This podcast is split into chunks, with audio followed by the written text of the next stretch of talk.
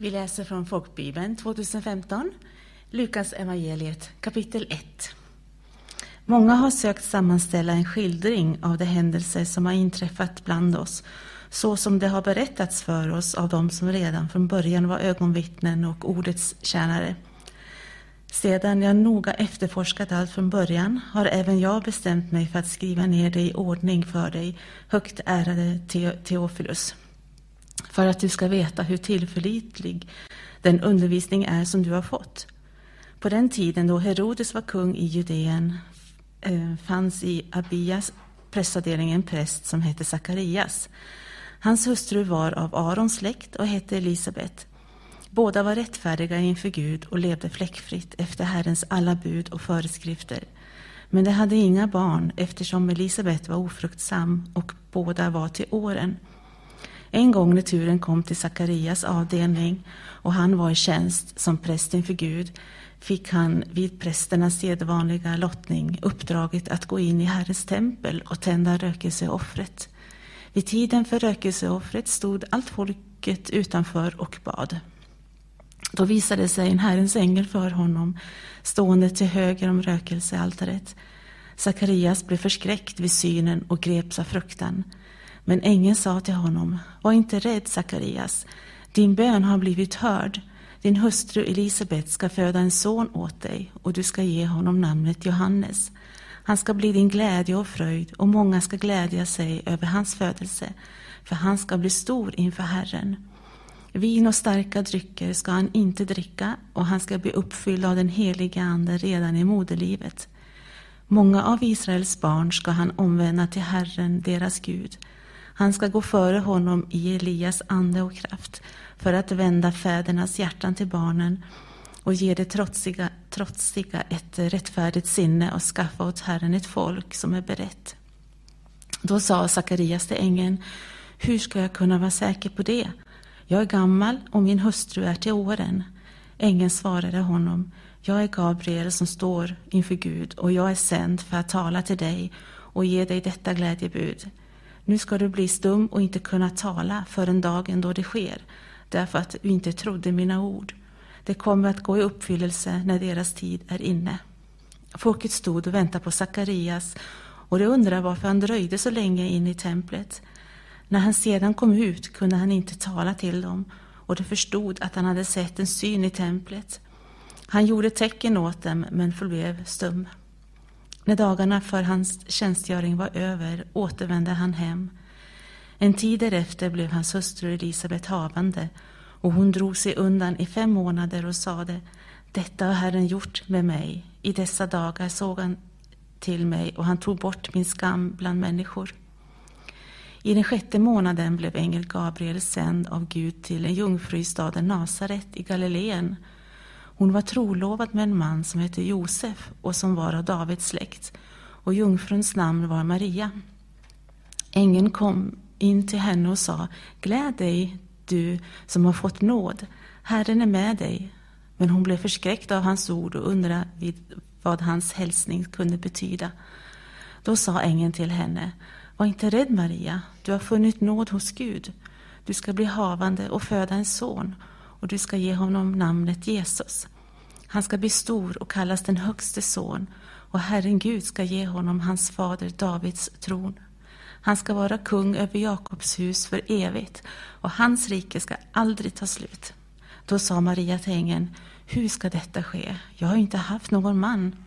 Ängeln svarade henne, den helige Ande ska komma över dig och den Högstes kraft ska vila över dig. Därför ska barnet som föds kallas heligt och Guds son. Och din släkting Elisabet är också havande med en son på sin ålderdom. Hon som kallas ofruktsam är nu i sjätte månaden, för ingenting är omöjligt för Gud. Maria sa, jag är Herrens tjänarinna, låt det ske med mig som du har sagt. Och ängeln lämnade henne. Vid den tiden bröt Maria upp och skyndade till en stad i Juda bergsbygd där gick hon in i Sakarias hus och hälsade på Elisabet. När Elisabet hörde Marias hälsning spratt barnet till i hennes moderliv. Hon blev uppfylld av den helige Ande och ropade med hög röst. Välsignad är du bland kvinnor och välsignad är din livsfrukt. Men varför händer detta mig och min herres mor kommer till mig? När ljudet av din hälsning nådde mina öron spratt barnet till i mig av glädje. Och salig är du som trodde, för det som Herren har sagt dig kommer att gå i uppfyllelse. Då sa Maria, min själ upphöjer Herren och min ande jublar över Gud, min frälsare, för han har sett till sin tjänarinnas ringhet. Från denna stund ska alla släkten kalla mig salig, för den mäktige har gjort stora ting med mig, och hans namn är heligt. Hans barmhärtighet varar från släkte till släkte över dem som vördar honom. Han har gjort väldiga gärningar med sin arm. Han har skingrat dem som har stolta hjärtan och sinnen. Härskare har han störtat från deras troner och det enkla har han upphöjt. Hungriga har han mättat med, sin, med sitt goda och rika har han skickat tomhänta bort. Han har tagit sig an sin tjänare Israel och tänkt på att vara barmhärtig mot Abraham och hans barn till evig tid, så som han har lovat våra fäder. Maria stannade hos Elisabet omkring tre månader och återvände sedan hem. För Elisabet var tiden nu inne att föda och hon födde en son. Hennes grannar och släktingar fick höra att Herren hade visat henne så stor barmhärtighet och de gladde sig med henne. På åttonde dagen kom de för att omskära barnet och de ville kalla honom Sakarias efter hans far. Men hans mor svarade, nej, han ska heta Johannes. Då sade de till henne, det finns ingen i din släkt som har det namnet. De gjorde tecken till hans far och frågade vad han ville att barnet skulle heta. Han bad då om en tavla och skrev Johannes är hans namn och alla blev förundrade. Genast öppnades hans mun och hans tunga löstes och han började tala och prisa Gud. Alla deras grannar greps av fruktan och i hela Judeens bergsbygd talade man om det som hade hänt. Alla som hörde det tog det till hjärtat och undrade vad det skulle bli av detta barn, för Herrens hand var med honom. Hans far Sakarias blev uppfylld av den helige Ande och profeterade och sade Välsignade Herren, Israel, Israels Gud, som har besökt och återlöst sitt folk. Han har rest för oss frälsningens horn i sin tjänare Davids hus, så som han för länge sedan lovat genom sina heliga profeters mun, frälsning från våra fiender och från alla som hatar oss. Han har visat barmhärtighet mot våra fäder och tänkt på sitt heliga förbund, den ed han gav vår fader Abraham, att vi, frälsta från våra fienders hand, skulle få tjäna honom utan fruktan, i helighet och rättfärdighet inför honom alla våra dagar. Och du, barn, ska kallas den Högstes profet, för du ska gå före Herren och bana väg för honom. Du ska ge hans folk kunskap om frälsningen eh, med förlåtelse för deras synder genom vår Guds barmhärtiga kärlek. Så ska en soluppgång från höjden besöka oss för att lysa över dem som sitter i mörker och dödsskugga och styra våra fötter in på fridens väg. Barnet växte och blev starkare i anden och han led i ödemarken fram till en dag då han skulle träda fram inför Israel. Kapitel 2 Och det hände vid den tiden att från kejsar Augustus utgick ett påbud att hela världen skulle skattskrivas. Detta var den första skattskrivningen och den hölls när Quirinius styrde i Syrien. Alla gick då för att skattskriva sig, var och en till sin stad. Så reste också Josef från staden Nasaret i Galileen upp till Judeen, till Davids stad som kallas Betlehem, eftersom han var av Davids hus och släkt.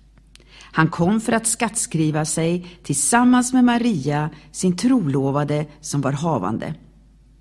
Medan de befann sig där var tiden inne för henne att föda och hon födde sin son, den förstfödde. Hon lindade honom och lade honom i en krubba eftersom det inte fanns plats för dem i gästrummet. I samma trakt fanns några herdar som låg ute och vaktade sin jord om natten. Då stod en Herrens ängel framför dem och Herrens härlighet lyste omkring dem och de blev mycket rädda. Men ängeln sa, var inte rädda, jag bär bud till er om en stor glädje för hela folket. Idag har en frälsare fötts åt er i Davids stad. Han är Messias, Herren. Och detta är tecknet för er.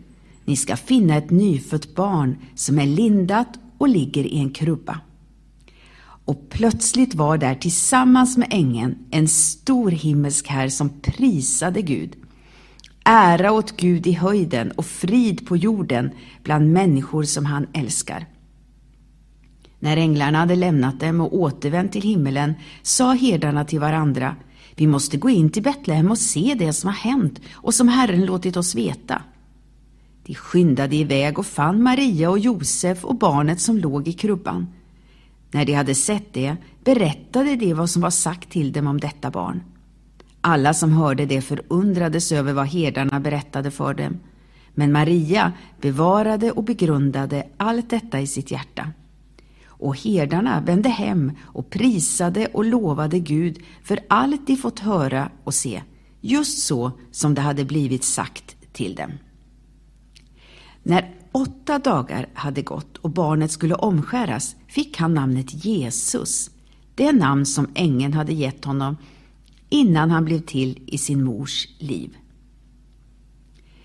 När tiden var inne för deras rening enligt Moses lag tog de med honom upp till Jerusalem för att bära fram honom inför Herren, som det står skrivet i Herrens lag. Varje förstfödd som öppnar moderlivet ska räknas som helgad åt Herren. De skulle också ge det offer som är bestämt i Herrens lag, ett par turturduvor eller två unga duvor. I Jerusalem fanns en man som hette Simeon. Han var rättfärdig och gudfruktig och väntade på Israels tröst, och den helige Ande var över honom. Av den helige Ande hade han fått en uppenbarelse att han inte skulle se döden förrän han sett Herrens smorde. Ledd av Anden kom han till templet och när föräldrarna bar in barnet Jesus för att göra med honom som man brukar enligt lagen tog han honom i sina armar och prisade Gud och sa Herre, nu låter du din tjänare gå hem i frid så som du har lovat. För mina ögon har sett din frälsning som du har berett inför alla folk. Ett ljus med uppenbarelse för hedningarna och härlighet för ditt folk Israel.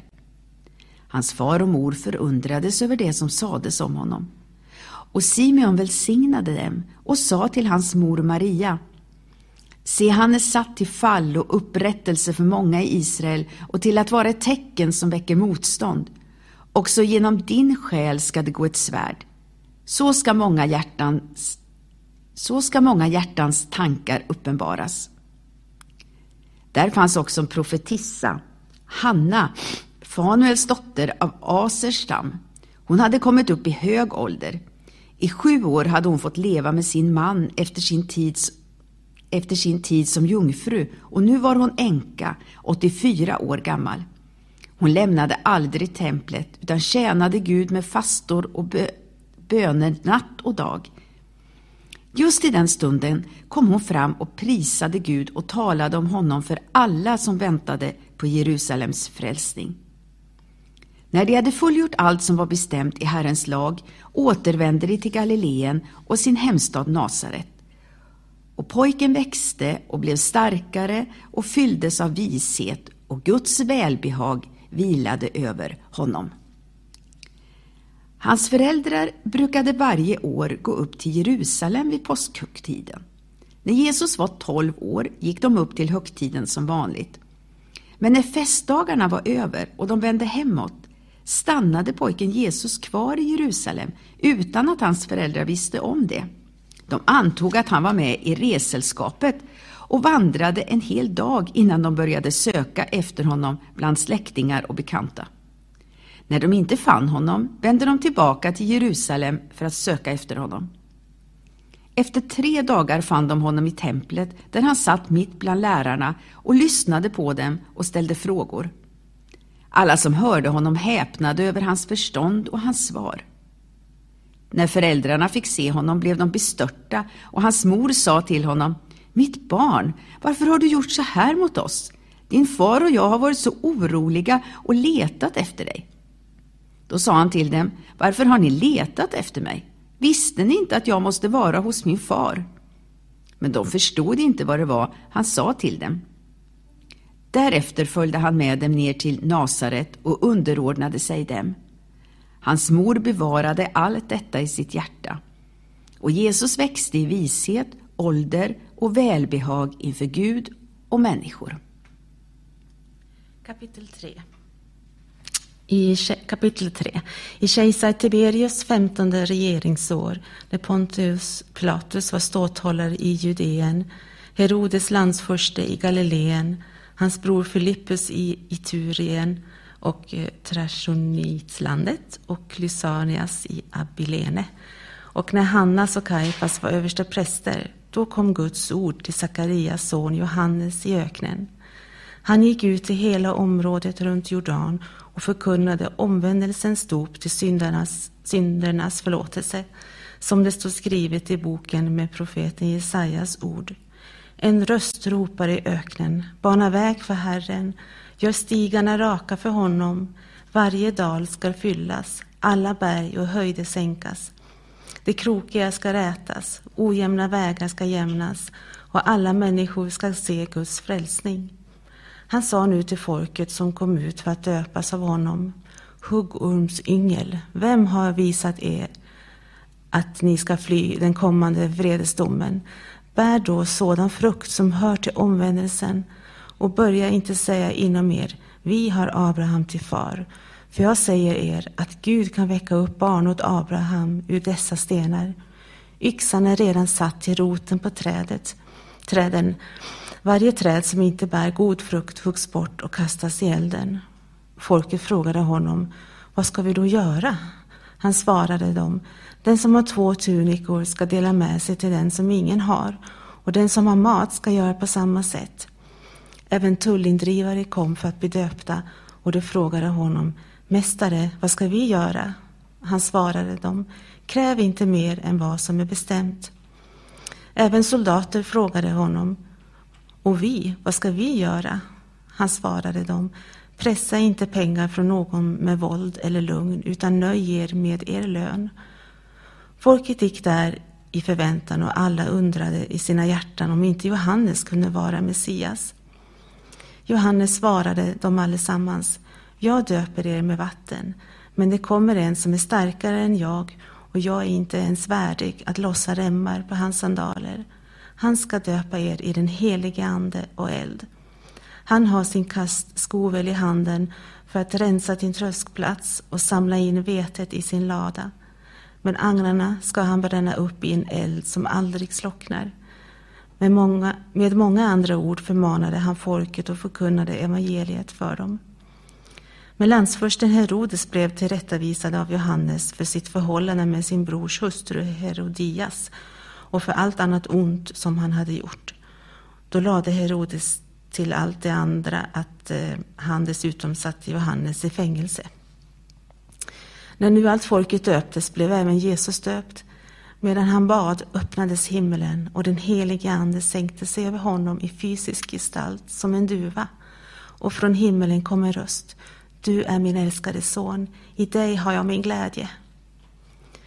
Jesus var omkring 30 år när han började sin gärning. Han var, menade man, son till Josef, son till Eli, son till Mattat, son till Levi, son till Melki, son till Jannai, son till Josef, son till Mattias, Mattatias, son till Amos, son till Nahum, son till Hesli, son till Nagai, son till Mahat, son till Mattatias, son till Shimei, son till Josek, son till Juda, son till Shealtiel, son till Neri, son till Melki, son till Addi, son till Kosam, son till Elmadan, son till Er, son till Josua, son till Eliezer, son till Jorim, son till Mattat, son till Levi, son till Simeon, son till Juda, son till Josef, son till Jonam, son till Eliakim, son till Melea, son till Menna, son till Matata, son till Natan, son till David, son till Isai, son till Obed, son till Boas, son till Salma, son till Nashon, son till Aminadab, son till Admin, son till Arni, son till Hesron, son till Peres, son till Juda, son till Jakob, son till Isak, son till Abraham, son till Tera, son till Nahor, son till Serug, son till Regu, son till Peleg, son till Eber, son till Shela, son till Kenan, son till Arpaxad, son till Sem, son till Noa, son till Lemek, son till Metushela, son till Henok, son till Jered, son till Mahalel, son till Kenan, son till Enosh, son till Set, son till Adam, son till Gud. Kapitel 4 Uppfylld av den helige Ande återvände Jesus från Jordan och leddes av Anden omkring i öknen där han frestades av djävulen i 40 dagar. Under de dagarna åt han ingenting och när de var slut blev han hungrig. Då sa djävulen till honom Om du är Guds son, så befall den här stenen att bli bröd. Jesus svarade honom Det står skrivet, människan lever inte bara av bröd. Då tog djävulen med honom högt upp och visade honom för ett ögonblick världens alla riken. Och djävulen sa, dig ska jag ge all denna makt och deras härlighet, för den är överlämnad åt mig och jag ger den till vem jag vill. Så om du tillber mig blir allt ditt. Jesus svarade, det står skrivet, Herren din Gud ska du tillbe och endast honom ska du tjäna. Sedan tog djävulen med honom till Jerusalem och ställde honom på tempelmurens krön och sa till honom, om du är Guds son, så kasta dig ner härifrån. Det står skrivet, han ska befalla sina änglar att bevara dig och de ska bära dig på sina händer så att du inte stöter din fot mot någon sten. Jesus svarade honom, det är sagt, du ska inte fresta Herren din Gud. När djävulen hade frestat honom på alla sätt lämnade han honom för en tid. I Andens kraft återvände Jesus till Galileen och ryktet om honom gick ut i hela området. Han undervisade i deras synagogor och fick lovord av alla. Så kom han till Nasaret, där han hade vuxit upp. På sabbaten gick han som han brukade till synagogan. Han reste sig för att läsa ur skriften och man räckte honom profeten Jesajas bokrulle. När han öppnade rullen fann han stället där det stod skrivet Herrens ande är över mig, för han har smort mig till att förkunna glädjens budskap för de fattiga. Han har sänt mig att utropa frihet för de fångna och syn för de blinda, att ge de förtryckta frihet och förkunna ett nådens år från Herren. Sedan rullade han ihop bokrullen, räckte den till tjänaren och satte sig. Alla i synagogan hade sina ögon fästa på honom. Då började han tala till dem. Idag har det här stället i skriften gått i uppfyllelse inför er som lyssnar. Alla berömde honom och förundrades över de nådens ord som kom från hans mun. De frågade, är det inte Josefs son? Då sa han till dem, säkert kommer ni att citera ordspråket för mig, läkare, bota dig själv. Vi har hört om allt som hände i Kapernaum, gör det här i din hemstad också.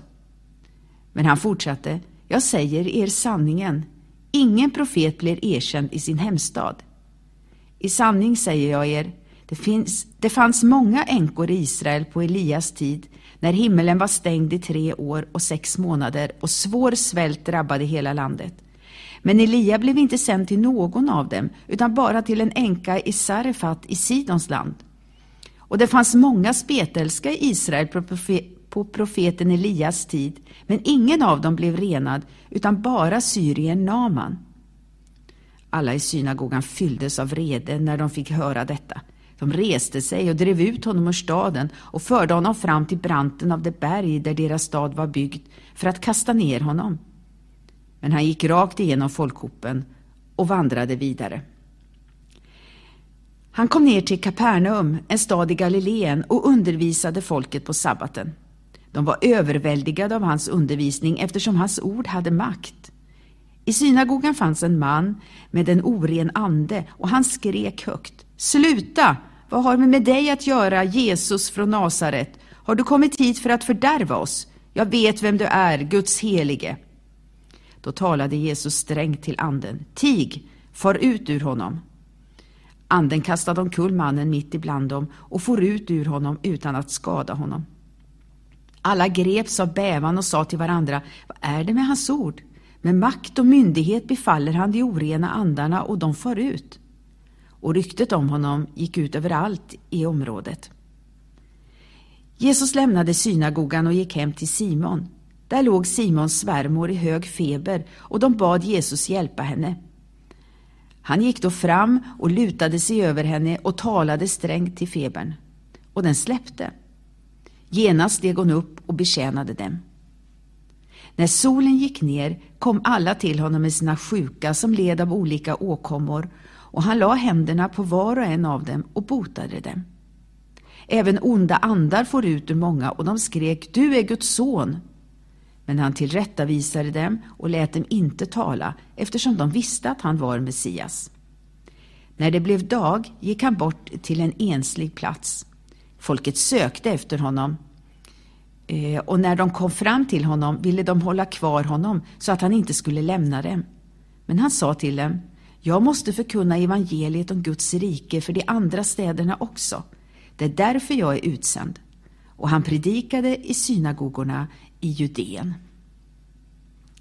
Kapitel 5 En gång stod Jesus vid Genesarets sjö och folket trängde sig in på honom för att få höra Guds ord.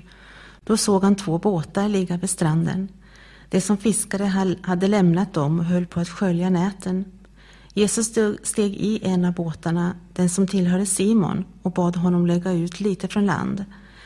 Sedan sa han, satte han sig och undervisade folket från båten. När han hade slutat tala sa han till Simon, gå ut på djupet och lägg ut era nät till fångst.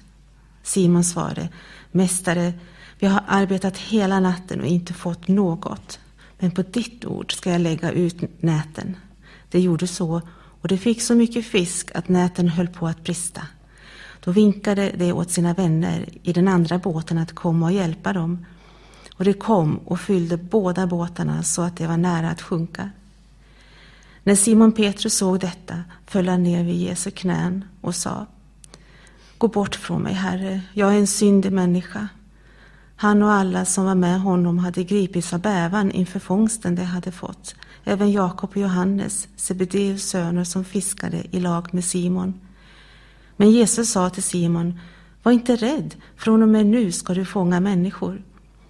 Då drog de upp båtarna på land, lämnade allt och följde honom. När Jesus var, var i en av städerna fanns där en man som var full av spetälska. Mannen fick se Jesus och föll ner på sitt ansikte och vädjade. Herre, om du vill så kan du göra mig ren. Då räckte Jesus ut handen, rörde vid honom och sade, jag vill, bli ren. Genast försvann spetälskan från honom Jesus befallde honom att inte berätta det för någon. Gå istället och visa dig för prästen och bär fram det offer för din rening som Mose har föreskrivit. Det blir ett vittnesbörd för dem. Men ryktet om Jesus spreds ännu mer och stora skaror samlades för att lyssna till honom och bli botade från sina sjukdomar. Men han drog sig ofta undan ut i ödemarken och bad. En dag när Jesus undervisade satt där fariseer och laglärare som hade kommit från alla byar i Galileen och Judeen och från Jerusalem och han hade Herrens kraft att bota. Då kom några män som var en förlamad man på en bår. De försökte komma in med honom och lägga ner honom framför Jesus. Men när de för folkmassans skull inte fann något sätt att komma in med honom gick de upp på taket och firade ner honom på båren mellan tak, eh, e, taktegeln mitt framför Jesus. Jesus såg deras tro och sade Min vän, du har fått förlåtelse för dina synder.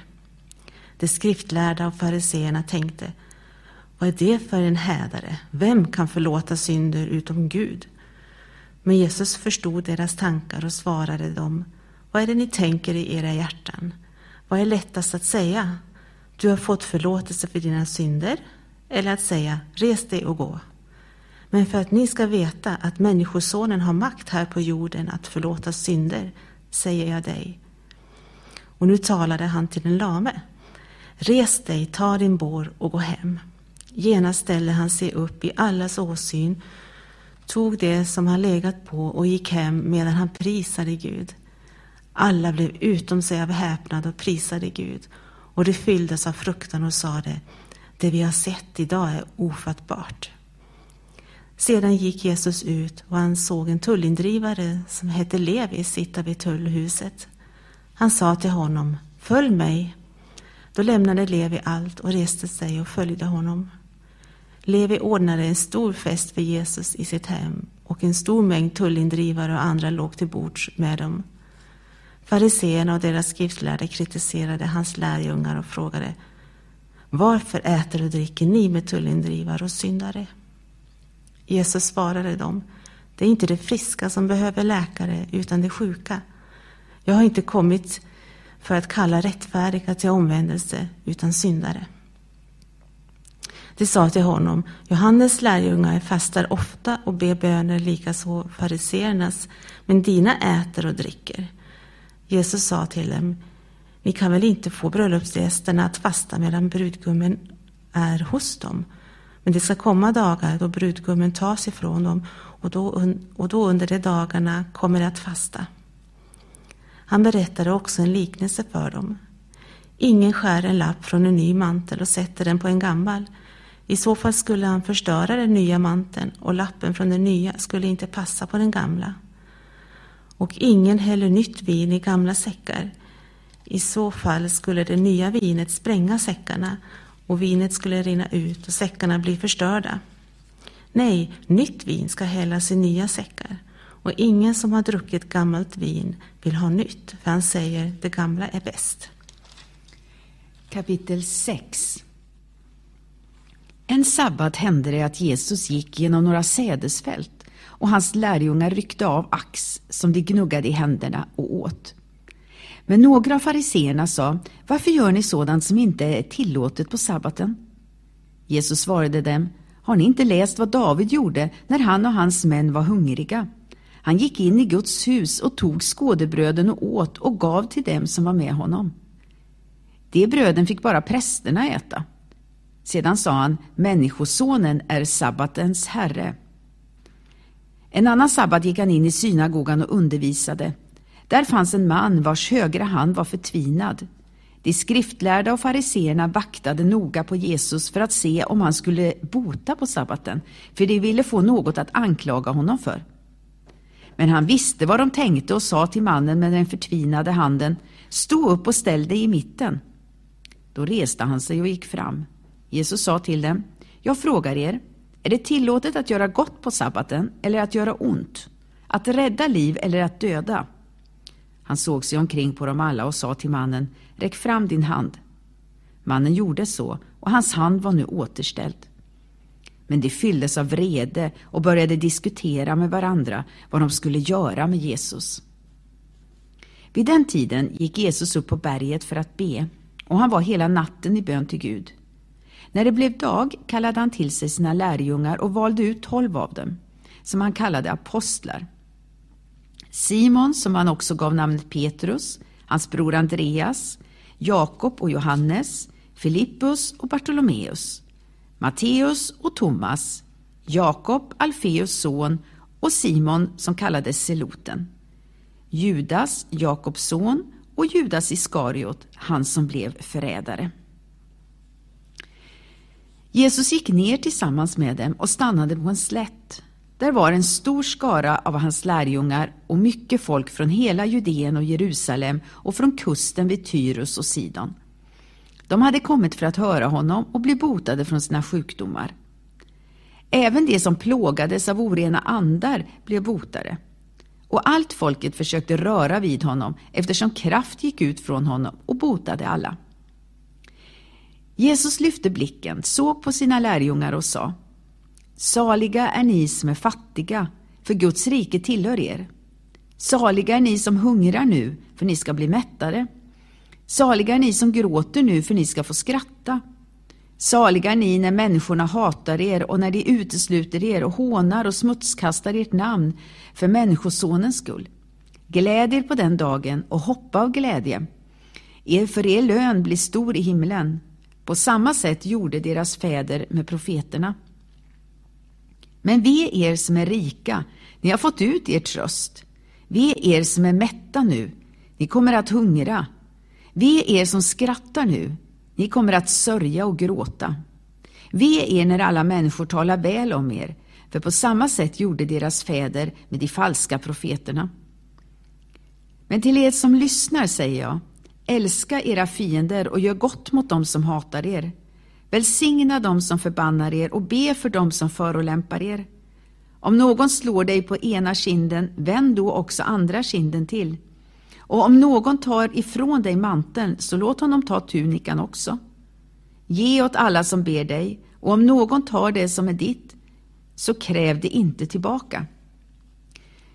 Så som ni vill att människorna ska göra mot er, så ska ni göra mot dem. Om ni älskar dem som älskar er, ska ni ha tack för det. Även syndare älskar dem som visar dem kärlek. Och om ni gör gott mot dem som gör gott mot er, ska ni ha tack för det. Även syndare gör samma sak. Och om ni lånar ut till dem som ni hoppas ska ge tillbaka, ska ni ha tack för det. Även syndare lånar ut till syndare för att få lika tillbaka. Nej, älska era fiender och gör gott och låna ut utan att hoppas få, utan att hoppas få något igen.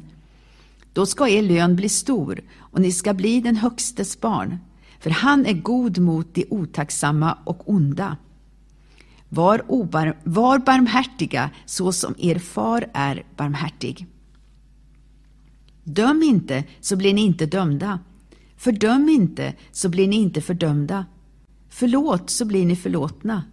Ge så ska ni få. Ett gott mått, packat, skakat och rågat ska ni få i er famn. Med det mått som ni mäter med ska det mätas upp åt er. Han gav dem också en liknelse. En blind kan väl inte leda en blind? Faller inte båda i gropen? En lärjunge står inte över sin lärare, men när han är fullärd blir han som sin lärare. Varför ser du flisan i din broders öga men märker inte bjälken i ditt eget öga? Hur kan du säga till din broder, broder, låt mig ta bort flisan ur ditt öga, när du inte ser bjälken i ditt eget öga? Hycklare, ta först bort bjälken ur ditt eget öga, då ser du klart nog att ta bort flisan ur din broders öga. Inget gott träd ger dålig frukt och inget dåligt träd ger god frukt. Varje träd känns igen på sin frukt. Man plockar väl inte fikon från tistlar eller vindruvor från törnbuskar. En god människa bär fram det som är gott ur sitt hjärtas goda förråd och en ond människa bär fram det som är ont ur sitt hjärtas onda förråd. Vad hjärtat är fullt av, det talar munnen. Varför kallar ni mig Herre, Herre, när ni inte gör vad jag säger? Den som kommer till mig och hör mina ord och handlar efter dem, jag ska visa er vem han liknar. Han liknar en man som byggde ett hus och grävde djupt och la grunden på klippan. När översvämningen kom vräkte sig floden mot huset, men den kunde inte rubba det eftersom det var välbyggt. Men den som hör och inte handlar liknar en man som byggde ett hus på marken utan grund. Floden vräkte sig mot huset och det rasade genast och förödelsen blev stor för det huset. Kapitel 7 När Jesus hade hållit hela sitt tal till folket som lyssnade gick han in i Kapernaum. En officer där hade en tjänare som var sjuk och döende. Han uppskattade tjänaren mycket och när han fick höra om Jesus sände han några av judarnas äldste till honom och bad honom komma och rädda hans tjänare. Då kom, de kom till Jesus och bad honom ivrigt. Han är värd att vi gör det för honom. Han älskar vårt folk det, och det är han som har byggt upp synagogorna åt oss. Jesus gick med dem. Han var nästan framme vid huset när officeren skickade några vänner och lät hälsa honom. Herre, gör dig inte besvär. Jag är inte värd att du går in under mitt tak. Därför, därför tyckte, jag in, tyckte jag mig inte heller värdig att komma till dig. Men säg ett ord så blir min tjänare frisk. Jag är själv en man som står under befäl och jag har soldater under mig. Säger jag till en, gå, så går han, och till en annan, kom, så kommer han, och till min tjänare, gör det här, så gör han det. När Jesus hörde detta blev han förundrad över honom. Han vände sig till folket som följde honom och sade, jag säger er, inte ens i Israel har jag funnit en så stark tro. och de som skickats ut återvände hem och fann tjänaren frisk. Därefter gick Jesus till en stad som hette Nain och hans lärjungar och mycket folk följde med honom. Just som han närmade sig stadsporten bar man ut en död. Han var sin mors enda son och hon var änka. En stor skara från staden gick med henne. När Herren såg henne förbarmade han sig över henne och sa till henne, gråt inte. Sedan gick han fram och rörde vid båren. Bärarna stannade och han sade, unge man, jag säger dig, stå upp. Då satte sig den döde upp och började tala och Jesus överlämnade honom åt hans mor. Alla greps av fruktan och prisade Gud och sade, en stor profet har uppstått bland oss och Gud har besökt sitt folk. Och detta ord om honom gick ut i hela Judeen och i hela landet däromkring. Allt detta fick även Johannes höra genom sina lärjungar. Då kallade Johannes till sig två av sina lärjungar och sände dem till Herren för att fråga, är du den som ska komma? Eller ska vi vänta på någon annan? Männen kom till Jesus och sade, Johannes döparen har sänt oss till dig för att fråga, är du den som ska komma eller ska vi vänta på någon annan? Just då botade Jesus mång många från sjukdomar, plågor och onda andar och gav många blinda syner, synen tillbaka. Han svarade dem, gå och berätta för Johannes vad ni sett och hört. Blinda ser, lama går, spetälska blir rena, döva hör, döda uppstår och fattiga får höra glädjens budskap. Salig är den som inte tar anstöt av mig. När sändebuden från Johannes hade gått började Jesus tala till folket om Johannes. Vad gick ni ut i öknen för att se? Ett strå som vajar för vinden? Om inte, vad gick ni ut för att se?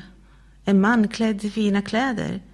Nej, det som har fina kläder och lever i lyx finns i kungapalatsen. Så vad gick ni ut för att se? En profet? Ja, jag säger er, en som är mer än profet. Det är om honom som det står skrivet. Se, jag sänder min budbärare framför mig och han ska bereda vägen för dig. Jag säger er, bland dem som fötts av kvinnor finns ingen större än Johannes, men den minste i Guds rike är större än han. Och allt folket som lyssnade, även tullindrivarna, gav Gud rätt och döptes med Johannes dop. Men fariseerna och de laglärda förkastade Guds plan för dem och lät sig inte döpas av honom. Vad ska jag då likna människorna i det här släktet vid? Vad liknar det? Det liknar barn som sitter på torget och ropar till varandra. Vi spelade flöjt för er, men ni dansade inte. Vi sjöng sorgesång, men ni grät inte. Johannes döparen kom, och han varken åt bröd eller drack vin. Och då säger ni, han har en ond ande. Människosonen kom och han äter och dricker. Och då säger ni, se vilken frossare och drinkare, en vän till tullindrivare och syndare. Men visheten har fått rätt av alla sina barn. En av fariseerna bjöd hem Jesus på en måltid och han gick hem till farisén och lade sig till bords. Nu fanns, en kvinna, nu fanns i staden en kvinna som var en synderska. När hon fick veta att han låg till bords i fariséns hus gick hon dit med en alabasterflaska med balsam och ställde sig bakom honom vid hans fötter och grät. Hon började väta hans fötter med sina tårar och torkade dem sedan med sitt hår. Hon kysste hans fötter och smorde dem med sin, med sin balsam. Farisén som hade bjudit in honom såg det och sade för sig själv hade han där varit en profet så hade han vetat vad det är för en kvinna som rör vid honom, att hon är en synderska. Då sa Jesus till honom, Simon, jag har något att säga dig. Han svarade, Mästare, säg det. Två personer stod i skuld till en penningutlånare. Den ene var skyldig 500 denarer, den andra 50. När de inte kunde betala efterskänkte han skulden för dem båda. Vem av dem kommer nu att älska honom mest? Simon svarade, den som fick mest efterskänkt antar jag. Jesus sade, du har rätt. Sedan vände han sig mot kvinnan och sade till Simon, ser du den här kvinnan? När jag kom in i ditt hus gav du mig inget vatten för mina fötter, men hon har vett mina fötter med sina tårar och torkat dem med sitt hår. Du gav mig ingen hälsningskyss, men sedan jag kom in här har hon inte slutat kyssa mina fötter. Du smorde inte mitt huvud med olja, men hon har smort mina fötter med balsam. Därför säger jag dig, hon har fått förlåtelse för sina många synder. Det är därför, det är därför hon visar så stor kärlek. Men den som har fått litet förlåtet älskar lite. Sedan sa han till henne, dina synder är förlåtna. Då började andra bordsgästerna fråga sig, vem är han som till och med förlåter synder? Men Jesus sa till kvinnan, din tro har frälst dig, gå i frid. Kapitel 8 Därefter vandrade Jesus genom städer och byar och förkunnade evangeliet om Guds rike. De som var med honom och även några kvinnor som hade blivit botade från onda andar och sjukdomar. Maria som kallades Magdalena, från henne hade sju onda andar farit ut och Johanna, hustru till Herodes förvaltare, Herodes förvaltare Kusas, samt Susanna och många andra som tjänade dem med vad de ägde. När mycket folk samlades och man kom ut till honom från, från stad efter stad talade han till dem med en liknelse. En såningsman gick ut för att så sitt utsäde. När han sådde föll en del vid vägen och tramp, tramp, nu ska vi se, trampades ner och himmelens fåglar åt upp det. En del föll på stenig mark och när det växte upp vissnade det bort, för det fick ingen, ingen fukt. En del föll bland tistlar och tistlarna växte upp samtidigt och kvävde det. Men en del föll i god jord och det växte upp och gav hundrafaldig skörd. När han hade sagt detta ropade han Hör, du som har öron att höra med. Hans lärjungar frågade honom sedan vad liknelsen betydde. Han svarade Ni har fått nåden att förstå Guds rikes hemligheter men de andra får dem i liknelser för att de ska se och ändå inte se, höra och ändå inte förstå. Här är liknelsens mening. Säden är Guds ord. Det vid vägen är det som hör ordet, men sedan kommer djävulen och tar bort det ur deras hjärtan, så att de inte kan tro och bli frälsta. De på stenig mark är det som tar emot ordet med glädje när de hör det, men de saknar rot. De tror bara för en tid, och i frestelsens stund kommer de på fall. Det som föll bland tistlar är det som hör ordet, men som alltmer kvävs av livets bekymmer, rikedom och njutningar och aldrig bär mogen frukt. Men det som följer god jord är det som hör ordet och tar vara på det i ett gott och uppriktigt hjärta och uthålligt bär frukt. Ingen tänder ett ljus och täcker det med ett kärl eller sätter det under en bänk. Man sätter det på hållaren så att de som kommer in får se ljuset. Det finns inget dolt som inte ska uppenbaras och inget gömt som inte ska bli känt och komma i dagen. Var därför noga med hur ni lyssnar. Den som har ska få, men den som inte har ska bli fråntagen också det han tror sig ha. Då kom Jesu mor och hans bröder till honom, men de kunde inte komma fram till honom för folkmassans skull. Man hälsade honom. Din mor och dina bröder står här utanför och vill träffa dig. Han svarade dem. Min mor och mina bröder, det är de som hör Guds ord och handlar efter det. En dag steg Jesus i en båt tillsammans med sina lärjungar och sa till dem Vi far över till andra sidan sjön. De lade ut och medan de seglade somnade han. Då kom en stormvind ner över sjön och båten tog in så mycket vatten att den höll på att fyllas och de var i fara. De kom fram och väckte honom och sa Mästare, mästare, vi går under. Han vaknade och talade strängt till vinden och vågorna och de lade sig och det blev stilla. Sedan frågade han dem var är er tro? Förskräckta och förundrade sa de till varandra Vem är han? Till och med vindarna och vattnet befaller han och de lyder honom. De seglade in till Gerasenernas område som ligger mitt emot Galileen. När Jesus steg i land möttes han av en man från staden. Han var besatt av onda andar och hade inte haft kläder på sig på länge och han bodde inte i något hus utan bland gravarna. När han fick se Jesus ropade han och föll ner inför honom och skrek Vad har du med mig att göra, Jesus, den högste Gudens son? Jag ber dig, plåga mig inte. Jesus hade nämligen befallt den orena anden att fara ut ur mannen. Länge hade den hållit honom i sitt grepp. Han hade varit bunden med kedjor och fotbojor och blivit bevakad. Men han hade slitit sönder bojorna och drivits ut i ödemarken av den onda anden. Jesus frågade honom, vad är ditt namn? Han svarade Legion, för det var många onda andar som hade kommit in i honom. Och de bad Jesus att han inte skulle befalla dem att fara ner i avgrunden. Nu gick där en stor svinjord och betade på berget och de onda andarna bad att han skulle låta den fara in i svinen. Det tillät han. Andarna for ut ur mannen och in i svinen och jorden rusade utför branten ner i sjön och drunknade. När herdarna såg vad som hade hänt flydde de och berättade om det in i staden och ute på landet.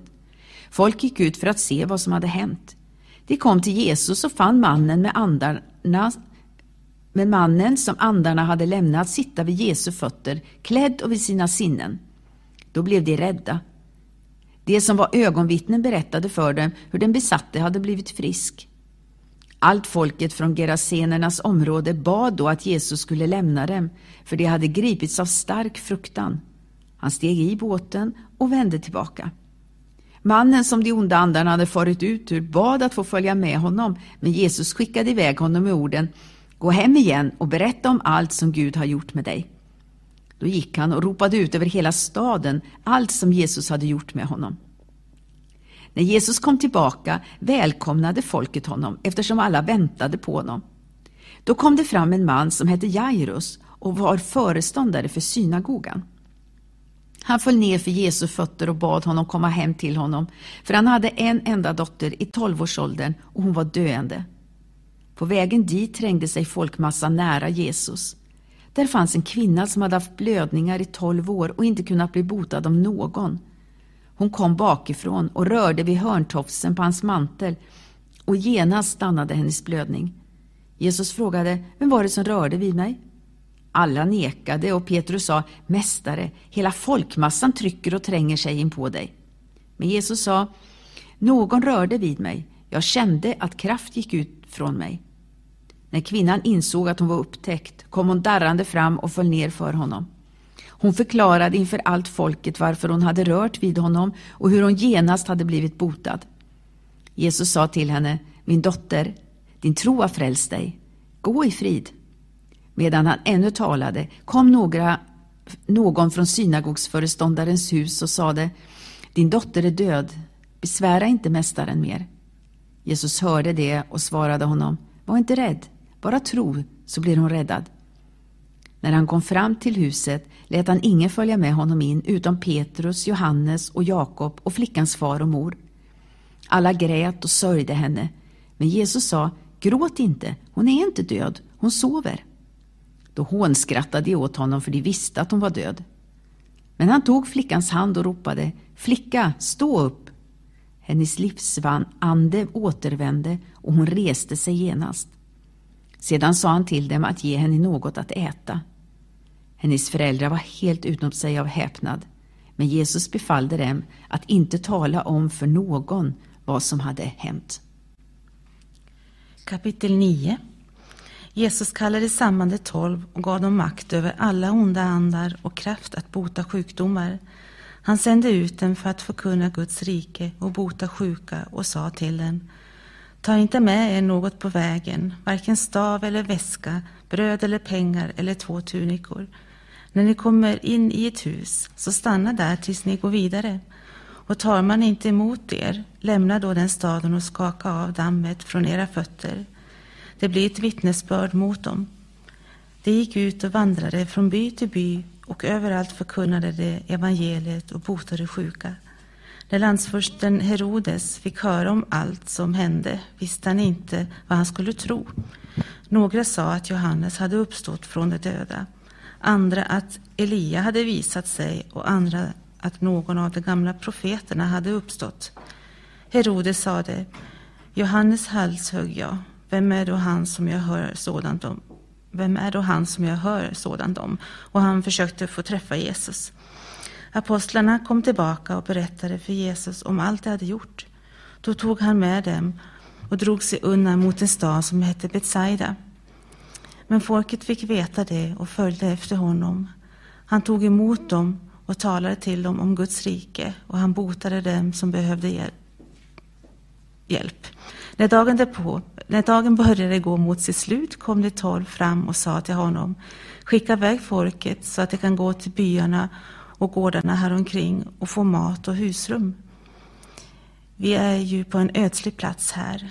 Han sa till dem, ge ni dem att äta.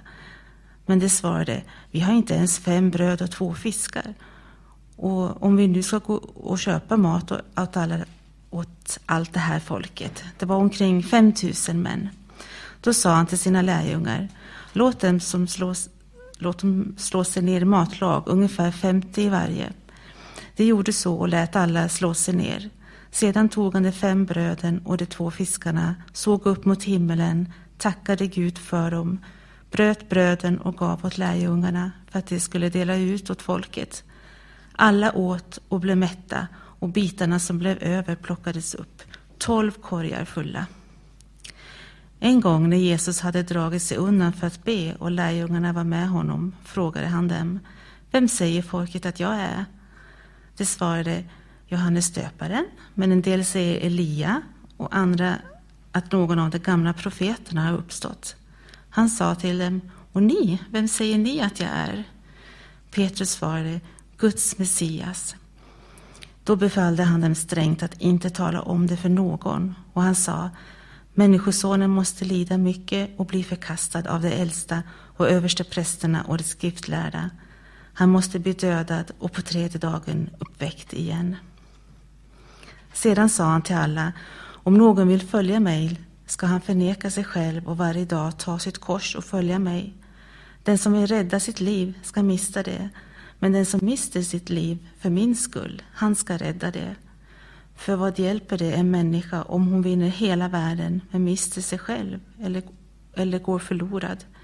Den som skäms för mig och mina ord, honom ska Människosonen skämmas för när han kommer i sin, fa, i sin och Faders och de heliga änglars härlighet. Jag säger i sanningen, några av dem som står här ska inte smaka döden förrän de får se Guds rike. Ungefär åtta dagar efter de orden tog Jesus med sig Petrus, Johannes och Jakob och gick upp på berget för att be. Medan han bad förvandlades hans ansikte och hans kläder blev strålande vita. Och två män samtalade med honom. Det var Mose och Elia som visade sig i härlighet och talade om hans bortgång som han skulle fullborda i Jerusalem. Petrus och de som var med honom sov tungt, men när de vaknade såg de hans härlighet och de båda männen som stod där med honom. När, när männen skulle skiljas från honom sa Petrus till Jesus, Mästare, det är gott för oss att vara här. Vi kan göra, göra tre hyddor, en åt dig, en åt Mose och en åt Elia. Han visste inte vad han sa. Medan han, medan han talade kom ett moln och sänkte sig över dem och lärjungarna blev förskräckta när de kom in i molnet. Ur molnet hördes en röst. Han är min son, den utvalde, lyssna till honom. Och när rösten hördes fann de att Jesus var ensam. Lärjungarna höll tyst och berättade inte för den tiden för någon vad de hade sett. När de dagen därpå kom ner från berget möttes han av en stor skara människor. Då ropade en man ur folkhopen Mästare, jag ber dig, hjälp min son. Han är mitt enda barn. En ande tar tag i honom så att han plötsligt skriker. Den sliter i honom tills han tuggar fradga och det är knappt att den släpper honom och slutar plåga honom. Jag bad dina lärjungar att de skulle driva ut den, men de kunde inte. Jesus svarade, detta fördärvade släkte som inte vill tro, hur länge ska jag vara hos er och stå ut med er? Hämta hit din son. Medan pojken ännu var på väg kastade anden honom till marken och ryckte och slet i honom. Men Jesus talade strängt till den orene anden och botade pojken och gav honom tillbaka till hans far. Och alla var överväldigade av Guds stora makt. Medan alla var Medan alla var förundrade över allt han gjorde sa han till sina lärjungar Öppna era öron för det jag nu säger. Människosonen kommer att utlämnas i människors händer. Men de förstod inte vad han sa. Det var fördolt för dem så att de inte kunde fatta det och de vågade inte fråga honom om det han hade sagt. Bland lärjungarna kom frågan upp om vem som var störst bland dem. Men Jesus visste vad de tänkte i sina hjärtan. Han tog ett barn och ställde det bredvid sig och sa till dem. Den som tar emot det här barnet i mitt namn, han tar emot mig. Och den som tar emot mig tar emot honom som har sänt mig. Den som är minst bland er alla, han är störst. Johannes svarade, Mästare, vi såg en som drev ut onda andar i ditt namn och vi försökte hindra honom eftersom han inte var i följe med oss. Men Jesus sa till honom, hindra honom inte. Den som inte är mot er är för er. När tiden för hans upptagande var inne vände han sitt ansikte mot Jerusalem, fast besluten att gå dit fast besluten att gå dit. Han sände budbäraren framför sig och de gick iväg och kom in i en samarisk by för att förbereda hans ankomst. Men folket tog inte emot honom eftersom han var på väg mot Jerusalem.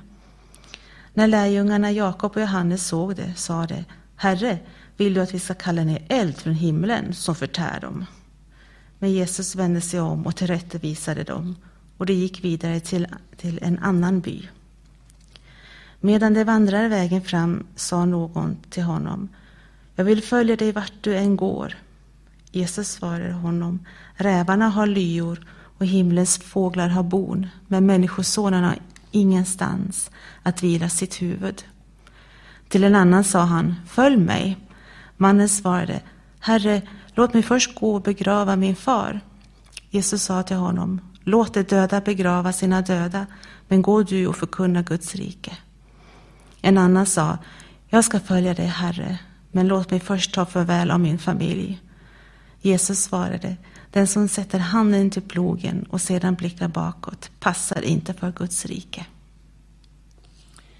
Kapitel 10 Därefter utsåg Herren sjuttio andra, sände dem framför sig två och två till varje stad och plats dit han själv skulle komma. Han sa till dem, Skörden är stor, men arbetarna få. Be därför skördens Herre att han skickar ut arbetare till sin skörd. Gå, se jag sänder er som lamm in bland vargar. Ta inte med er någon börs eller väska eller några sandaler. Hälsa inte på någon längs vägen. När ni kommer in i ett hus, säg då först frid över detta hus.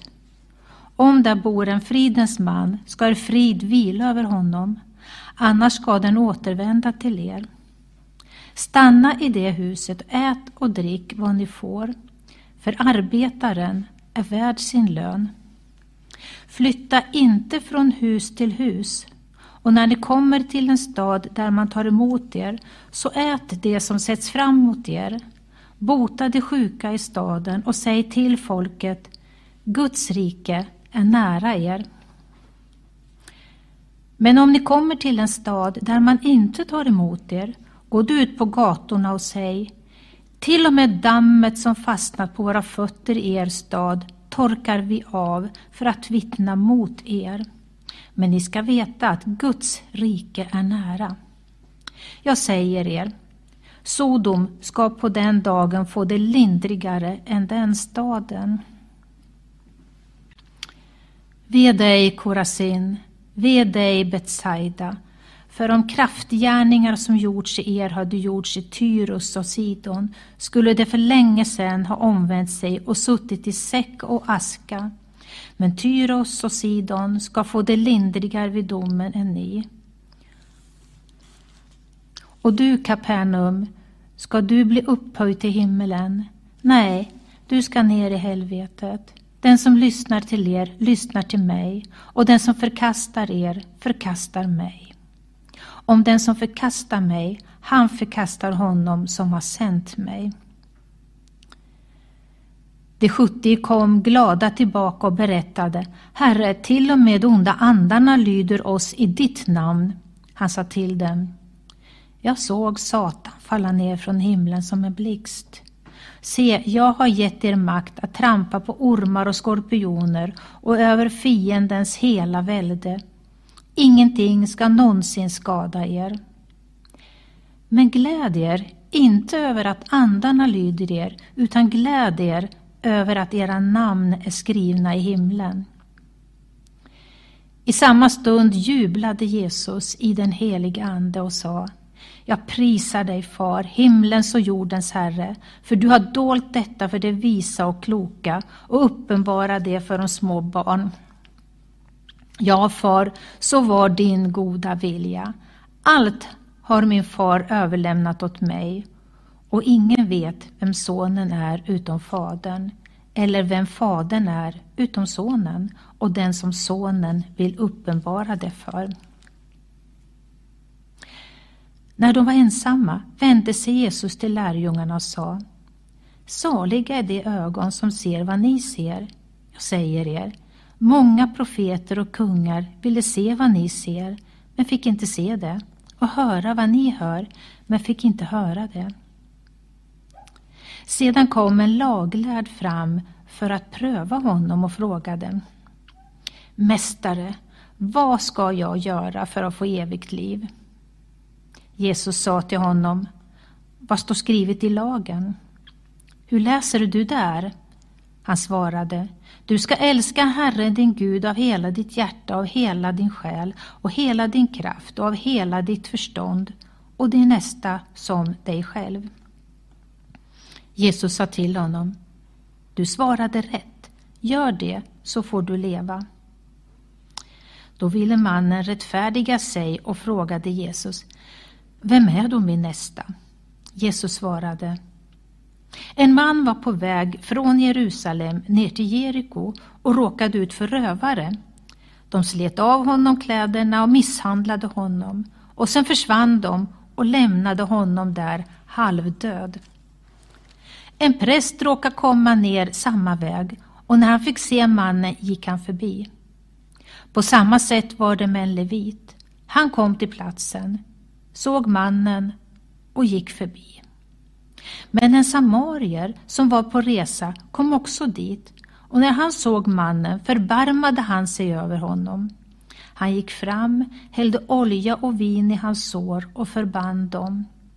Sen lyfte han upp honom på sin åsna tog honom till ett värdshus och skötte om honom.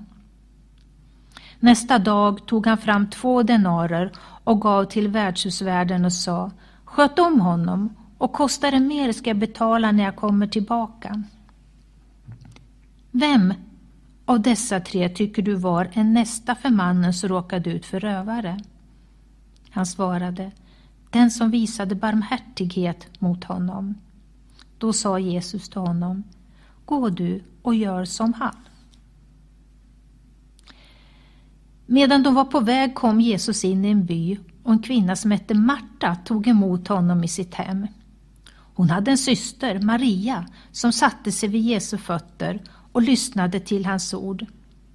Marta däremot, hon var upptagen med alla förberedelser och hon kom fram och sa Herre, bryr du dig inte om att min syster har lämnat mig att sköta allting själv? Säg nu till henne att hon hjälper mig. Herren svarade henne. Marta, Marta, du bekymrar dig och oroar dig för så mycket, men bara ett är nödvändigt.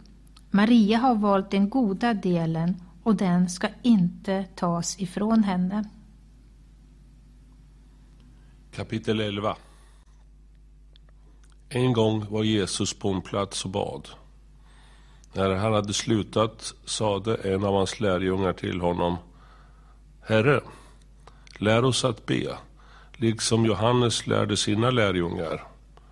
Då sade han till dem, när ni ber ska ni säga Far, låt ditt namn bli helgat. Låt ditt rike komma. Ge oss var dag vårt dagliga bröd och förlåt oss våra synder för också vi förlåter var och en som står i skuld till oss.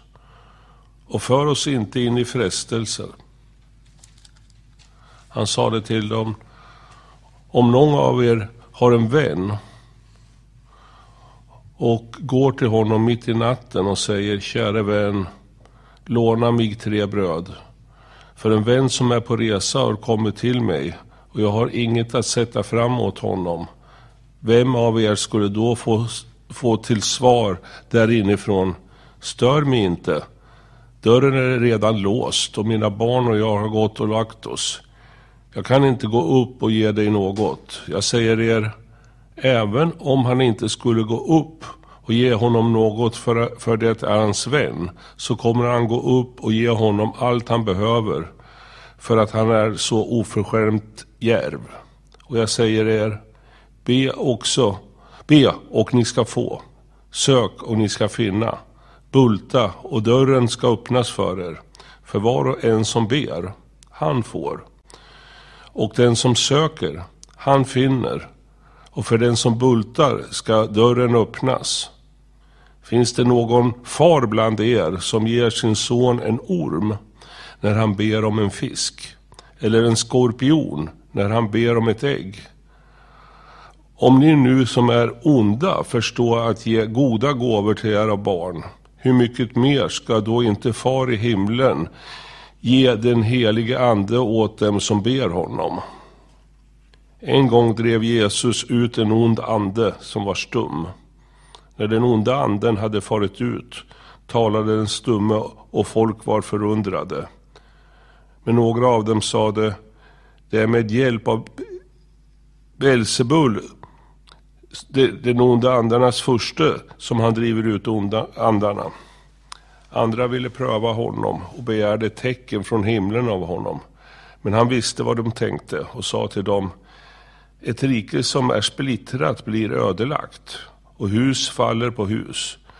Om nu Satan skulle vara splittrad och i strid med sig själv, hur kan då hans rike bestå?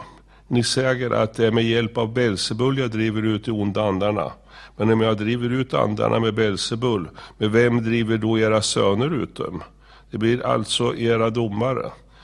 Men om det är med Guds finger jag driver ut de onda andarna, då har Guds rike nått er.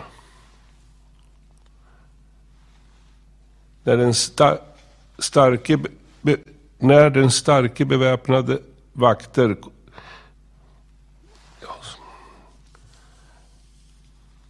När den starke beväpnad vaktar sin gård får hans ägodelar vara i fred. Men kommer det en som är eh, ännu starkare och besegrar honom, då tar han ifrån honom alla de vapen som han litade till och fördelar bytet. Den som inte är med mig är mot mig, och den som inte samlar med mig skingrar. När en oren ande har farit ut ur en människa går den genom ökentrakter och söker efter en viloplats som inte, men finner ingen. Då säger den, jag vänder tillbaka till mitt hus som jag lämnade.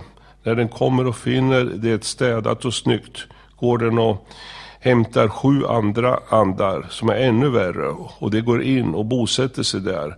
För den människan blir slutet värre än början. När Jesus sade detta ropade en kvinna i folkskaran, saligt är det moderliv som burit dig och det bröst som har, har, du har diat. Han sade, säg hellre, saliga är det som lyssnar till Guds ord och bevarar det. När folk, folk strömmade till började Jesus tala. Det här släktet är ett ont släkte. Det söker ett tecken, men det ska inte få något annat, annat än Jonas tecken. Så som Jona var ett tecken för folket i Nineve, så ska Människosonen vara det för det här släktet. Söderns drottning ska, ska vid domen uppstå med det här släktet och bli deras dom. Hon kom från jordens ände för att lyssna till Salomos vishet och här är något som är större än Salomo. Salomo. Nineves män ska vid domens, domen uppstå med det här släktet och bli deras dom. De omvände sig vid Jonas predikan och här är något som är större än Jona. Ingen tänder ett ljus och sätter det i skymundan eller under skeppan, utan man sätter det på hållaren så att det som kommer in får se ljuset. Ditt öga är kroppens lampa när ditt öga är friskt får hela din kropp ljus. Men när det är sjukt är din kropp i mörker. Se därför till att ljuset inom dig inte är mörker. Om hela din kropp har ljus och ingen del är i mörker, då blir den upplyst helt och fullt, som när lampan lyser över dig med, med sitt klara sken. När Jesus hade talat bjöd en farisé hem honom till måltid och han gick in och lade sig till bords. Farisén blev förvånad när han såg att Jesus inte tvättade sig före måltiden. Men Herren sade till honom, ni fariseer, ni rengör utsidan av bägaren och fatet, men är inte, är in, ert inre är fullt av rofferi och ondska. Dårar, har inte han som gjorde, gjort utsidan också gjort insidan? Men ge det som finns där inne till de fattiga, så blir allt rent för er. Vi er fariseer, ni är tionde av mynta, vinruta och alla grönsaker som, men missar rättvisan och kärleken till Gud. Ni borde göra det ena utan att försumma det andra. Vi är fariseer, ni älskar de främsta platserna i synagogorna och, och att bli hälsad på torgen. Vi är er, ni liknar omärkta gravar som folk trampar på utan att veta om det. En av de laglärda sa då till honom, Mästare, när du säger så förolämpar du oss också. Han svarade, ja, ve, även er, över er, ni laglärda. Ni lägger på människorna bördor som är svåra att bära, men själva rör ni inte ett finger för att lätta på bördorna. Ve er, ni bygger gravmonument över profeterna som era fäder mördade. Ni är alltså vittnen till vad era fäder gjorde och samtycker till det. De mördade dem och ni bygger monument. Därför har också Guds vishet sagt, jag ska sända dem profeter och apostlar och en del av dem ska de mörda och förfölja. Så ska av det här släktet utkrävas alla profeters blod som är spilt sedan världens skapelse, från Abels blod ända till Sakarias blod, han som blev dödad mellan altaret och templet. Jag säger er, det ska utkrävas av det här släktet. Vi är er laglärda. Ni har tagit nyckeln till kunskapen, själva har ni inte gått in, och dem som ville komma in har ni hindrat. När han gick därifrån började skriftlärda och fariseerna angripa honom häftigt och ställa många frågor till honom. Och de vaktade honom för att få fast honom för något av det han sade. Under tiden hade människor samlats i tiotusentals så att de höll på att trampa ner varandra. Då började Jesus tala. Först och främst till sina lärjungar Akta er för fariseernas surdeg, hyckleriet. Det finns inget dolt som inte ska uppenbaras och inget gömt som inte ska bli känt. Därför ska allt som ni sagt i mörkret höras i ljuset och det som ni viskat i örat i enrum ska ropas ut på taken. Till er, mina vänner, säger jag, var inte rädda för dem som, det som dödar kroppen och sedan inte kan göra något mer. Jag ska visa er vem ni ska frukta. Frukta honom som har makt att döda och sedan kasta i Gehenna. Ja, jag säger er, honom ska ni frukta. Säljs inte fem sparvar för två kopparmynt och inte en enda av dem är glömd inför Gud. Ja, till och med alla hårstrån på ert huvud är räknade. Var inte rädda, ni är mer värda än många sparvar. Jag säger er, den som bekänner mig inför människorna ska också Människosonen bekänna inför Guds änglar. Men den som förnekar mig inför människorna ska bli förnekad inför Guds änglar. Var och en som säger något mot Människosonen ska få förlåtelse. Men den som hävdar den helige Ande kommer inte att få förlåtelse. När man ställer er till spars inför synagogor och myndigheter och makthavare var då inte oroliga för hur ni ska försvara er eller vad ni ska säga. Den helige Ande kommer i den stunden att lära er vad ni ska säga.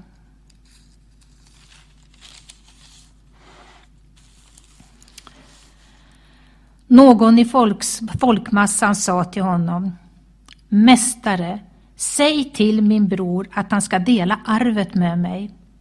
Jesus sa till honom Människa, vem har satt mig till av skiljedomare mellan er? Sedan sa han till dem Se till att ni aktar er för all slags girighet, för livet handlar inte om att ha överflöd på ägodelar. Och han berättade en liknelse för dem. En rik mans åker hade gett god skörd. Han frågade sig själv, vad ska jag göra? Jag har ingen plats för mina skördar. Så här ska jag göra, tänkte han.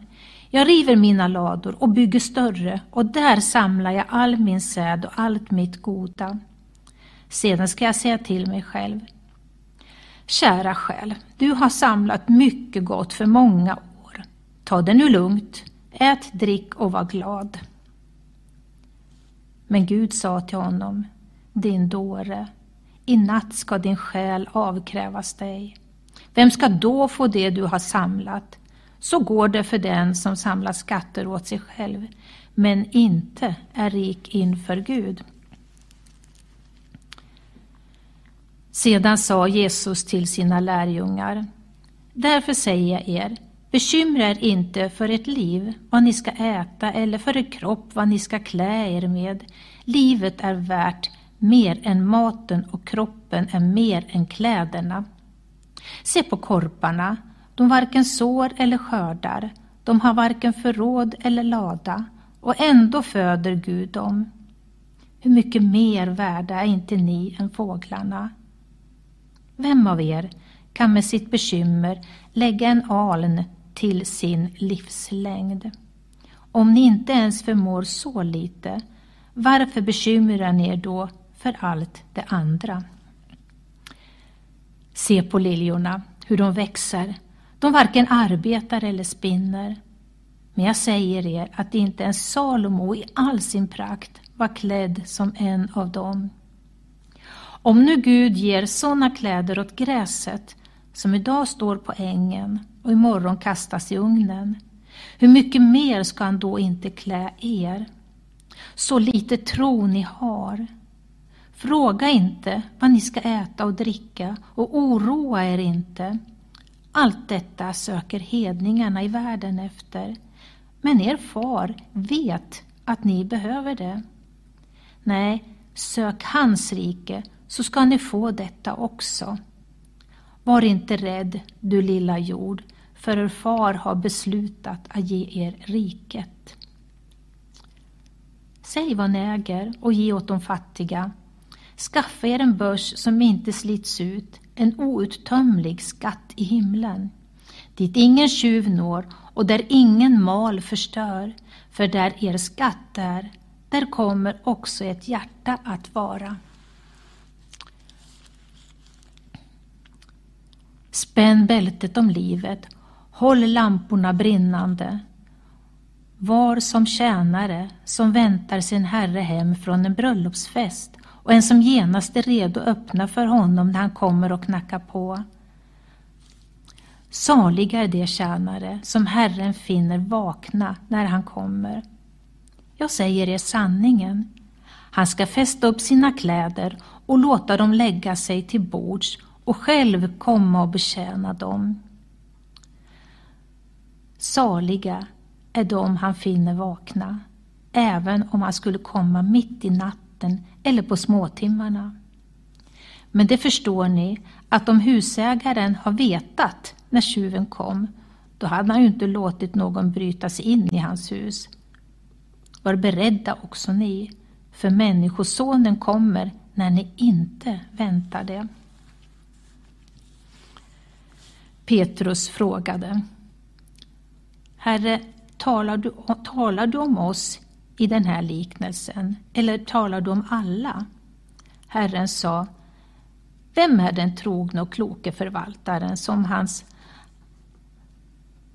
som hans herre sätter över sina tjänare för att ge dem deras mat i rätt tid? Salig är den tjänaren när hans herre kommer och finner att han gör så. Jag säger er sanningen. Han ska sätta honom över allt han äger. Men om den tjänaren skall säga i sitt hjärta Min herre dröjer med att komma och börjar slå tjänarna och tjänarinnorna och äta och dricka och berusa sig. Då ska den tjänarens herre komma en dag när han inte väntar det och en stund när han inte anar det.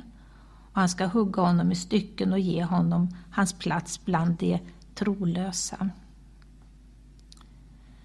Den tjänare som vet sin herres vilja men inget förbereder och inte handlar efter hans vilja, han ska få många rapp. Men den som inte vet och som inte gör något som förtjänar rapp, han ska få färre. Av den som fått mycket ska det krävas mycket, av den som blivit betrodd med mycket ska det begäras desto mer. Jag har kommit för att tända en eld på jorden och vad jag önskar är att den redan var tänd. Men jag har ett dop att genomgå och hur våndas jag inte tills det är fullbordat? Tror ni att jag kommit för att skapa fred på jorden? Nej, säger jag er, inte fred, utan splittring. Från och med nu ska fem i samma familj vara splittrade, tre mot två, två mot tre. Far mot son och son mot far. Mor mot dotter och dotter mot mor. Svärmor mot sonhustru och sonhustru mot svärmor. Till folket sa han också När ni ser ett moln stiga i väster säger ni genast att det blir regn. Och det blir så. Och när det blåser sydlig vind säger ni att det blir hett. Och det blir det. Era hycklare, jordens och himlens utseende kan ni tyda. Varför kan ni då inte tyda den här tiden? Varför bedömer ni inte själva vad som är rätt? När du är på väg till domaren med din motpart, så gör vad du kan för att förlika honom med honom medan ni är på väg. Annars drar han dig inför domaren och domaren överlämnar dig till rättstjänaren och rättstjänaren sätter dig i fängelse. Jag säger dig, du kommer inte ut förrän du har betalat till sista öret. Kapitel 13 Vid samma tid kom några och berättade för Jesus om Galileerna, vilket, vilkas blod Pilatus hade blandat med deras offer. Han svarade, tror ni att de galileerna var större syndare än alla andra galileer eftersom de fick lida så? Nej, säger jag er. Men om inte ni omvänder er går ni alla under som det. Eller de 18 som dog när tornet Siloam föll ner över dem. Tror ni att de var mer skyldiga än alla andra som bor i Jerusalem? Nej, säger jag er. Men om inte ni omvänder er går ni alla under på samma sätt. Sedan berättade han denna liknelse. En man hade ett fikonträd planterat i sin vingård. Han kom och letade efter frukt på det, men han fann ingen. Då sade han till trädgårdsmästaren, i tre år har jag nu kommit och letat efter frukt på det här fikonträdet, men jag hittar ingen. Hugg bort det. Varför ska det suga ut jorden? Men trädgårdsmästaren svarade, Herre, låt det stå kvar även i år, tills jag har grävt runt det och gödslat. Kanske bär det frukt nästa år, om inte kan du hugga bort det. En sabbat undervisade Jesus i en av synagogorna. Där fanns en kvinna som hade haft en sjukdomsande i 18 år. Hon var krokryggig och kunde inte räta på sig. När Jesus såg henne kallade han fram henne och sa till henne, kvinna, du är fri från din sjukdom. Och så lade han händerna på henne. Genast rätade hon på sig och prisade Gud. Men synagogföreståndaren blev upprörd över att Jesus botade på sabbaten. Han sade till folket, det finns sex dagar då man ska arbeta. På dem kan, kan ni komma och bli botade, men inte på sabbatsdagen. Då svarade Herren honom, era hycklare, lossar inte varenda en av er sin oxe eller åsna från krubban på sabbaten och tar ut den och vattnar den. Men den här kvinnan, en Abrahams dotter, som Satan har hållit bunden i 18 år, skulle inte, hon inte bli fri från sin boja på sabbatsdagen. Vid de orden, orden skämdes alla motståndare. Men allt folket jublade över allt det underbara som han gjorde. Därefter sa han, vad liknar Guds rike? Vad ska jag jämföra det med? Det liknar ett senapskorn som en man tar och sår i sin trädgård. Det växer upp och blir ett träd och himlens fåglar kan bygga bo bland grenarna. Vidare sa han, vad ska jag likna Guds rike vid? Det liknar en surdeg som en kvinna tar och blandar in i tre mått mjöl tills allt blir syrat. På väg mot Jerusalem gick Jesus genom städer och byar och undervisade. Någon frågade honom, Herre, är det bara några få som ska bli frälsta? Han sa till dem, kämpa för att komma in genom den trånga porten. Många, säger jag er, ska försöka komma in, men inte lyckas. När husets herre har stigit upp och stängt porten och ni står utanför och bultar på porten och säger Herren öppna för oss. Då ska han svara Jag känner er inte. Varifrån är ni? Då kommer ni att säga Vi åt och drack med dig och du undervisade på våra gator. Men han ska svara er Jag vet inte varifrån ni är. Gå bort ifrån mig alla ni som gör orätt. Då ska ni gråta och gnissla tänder när ni ser Abraham, Isak och Jakob och alla profeterna i Guds rike, medan ni själva hamnar utanför. Och människor ska komma från öster och väster och från norr och söder och ligga till bords i Guds rike. Och det finns det som är sist som ska bli först och det som är först som ska bli sist. I samma stund kom några fariseer fram och sade till honom Gå bort och ge dig av härifrån, för Herodes vill döda dig. Jesus svarade dem, gå och säg till den räven, nu driver jag ut onda andrar och botar sjuka idag och imorgon och på tredje dagen når jag mitt mål. Men idag och imorgon och i övermorgon måste jag vandra vidare när det passar sig inte att en profet dödas någon annanstans än i Jerusalem. Jerusalem, Jerusalem, du som dödar profeterna och stenar dem som är sända till dig.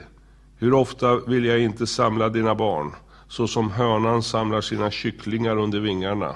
Men ni ville inte. Nu ska ert hus lämnas åt er själva. Jag säger er, ni kommer inte att se mig förrän ni säger, välsignad är han som kommer i Herrens namn. Kapitel 14 När Jesus en sabbat gick in för att äta hos en av de ledande fariseerna vaktade de noga på honom. Då stod en man som led av vatten i kroppen framför honom. Jesus frågade de laglärda och fariseerna Eh, får man bota på sabbaten eller inte? Men de teg. Han rörde då vid mannen och botade honom och lät honom sedan gå. Sen sa han till dem. Om någon av er har en son eller oxe som faller ner i en brunn, drar han då inte genast upp honom, även om det är sabbat? Det kunde de inte svara på. När han märkte hur gästerna valde ut de finaste platserna berättade han en liknelse för dem. När någon bjuder dig till bröllop, ta då inte den finaste platsen vid bordet. Kanske någon annan av gästerna är mer ansedd än du. I så fall kommer den som bjudit både dig och honom och säger till dig, ge honom din plats. Och då får du skamsen ta den nedersta platsen. Nej, när du är bjuden, gå och sätt dig på den nedersta platsen. När värden kommer ska han då säga till dig, min vän, sätt dig högre upp. Och så ska han säga till dig, min vän, sätt dig högre upp, då blir du hedrad inför alla de andra gästerna. Var och en som upphöjer sig själv ska bli förödmjukad, men den som ödmjukar sig ska bli upphöjd. Han sa också till den som bjudit honom, när du bjuder på lunch eller middag, bjud då inte dina vänner eller syskon eller släktingar eller rika grannar så att de bjuder tillbaka och det blir din belöning.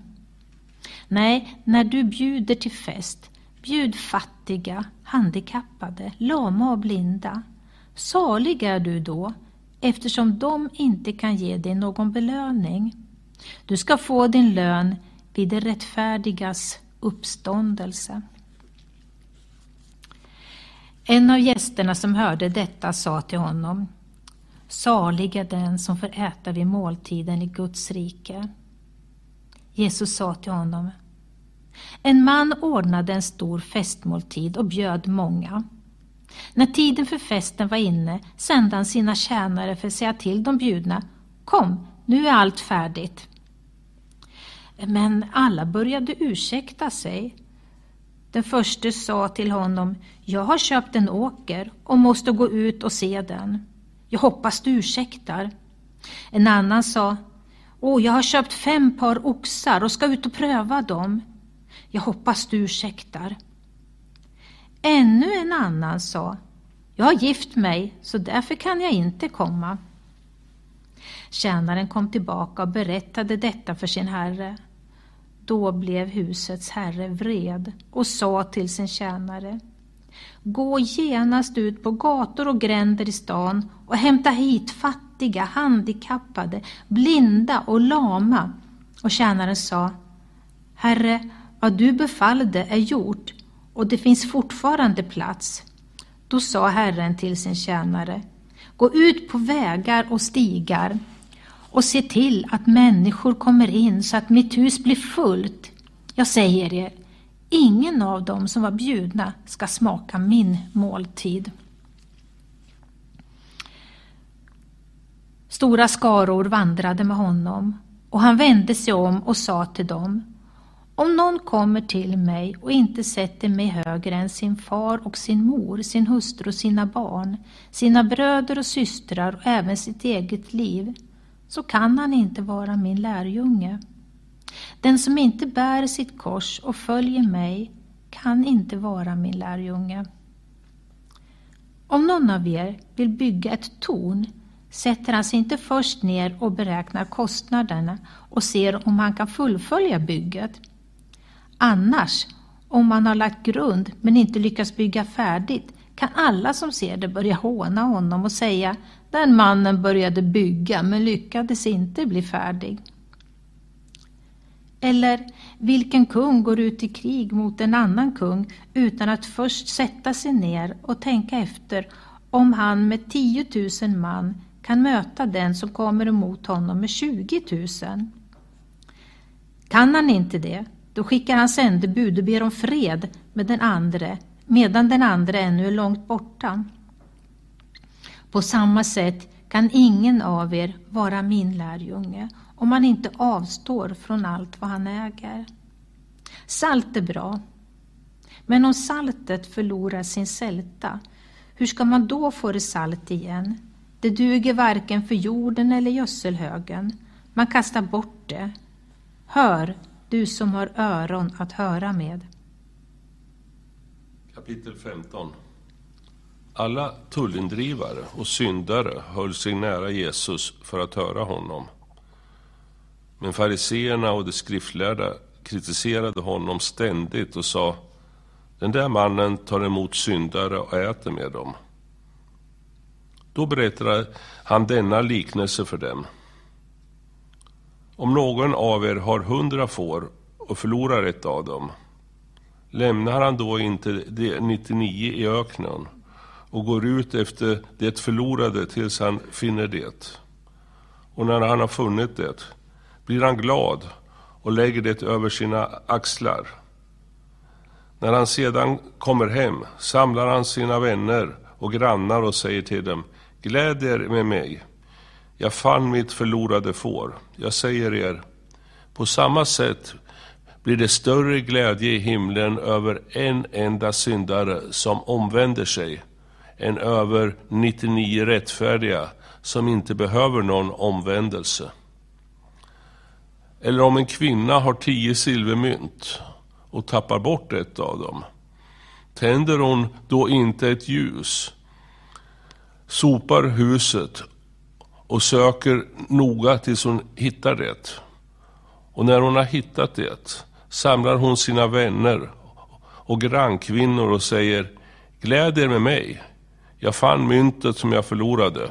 På samma sätt säger jag er, blir det glädje bland Guds änglar över en enda syndare som omvänder sig. Vidare sa han, en man hade två söner.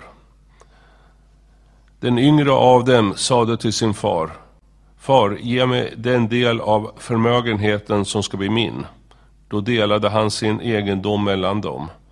Några dagar senare packade den yngre sonen ihop allt sitt och reste långt bort till ett främmande land. Där levde han hämningslöst och slösade bort sin förmögenhet. När han hade gjort slut på allt drabbades det landet av en svår svält och han började lida nöd. Då gick han bort och tog tjänst hos en av landets medborgare som skickade ut honom på sina ägor för att vakta svin. Han hade gärna velat äta sig mätt av fröskidorna som svinen åt, men ingen gav honom något.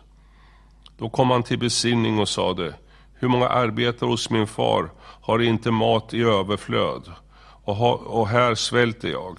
Jag vill stå upp och gå hem till min far och säga till honom, Far, jag har syndat mot himlen och inför dig.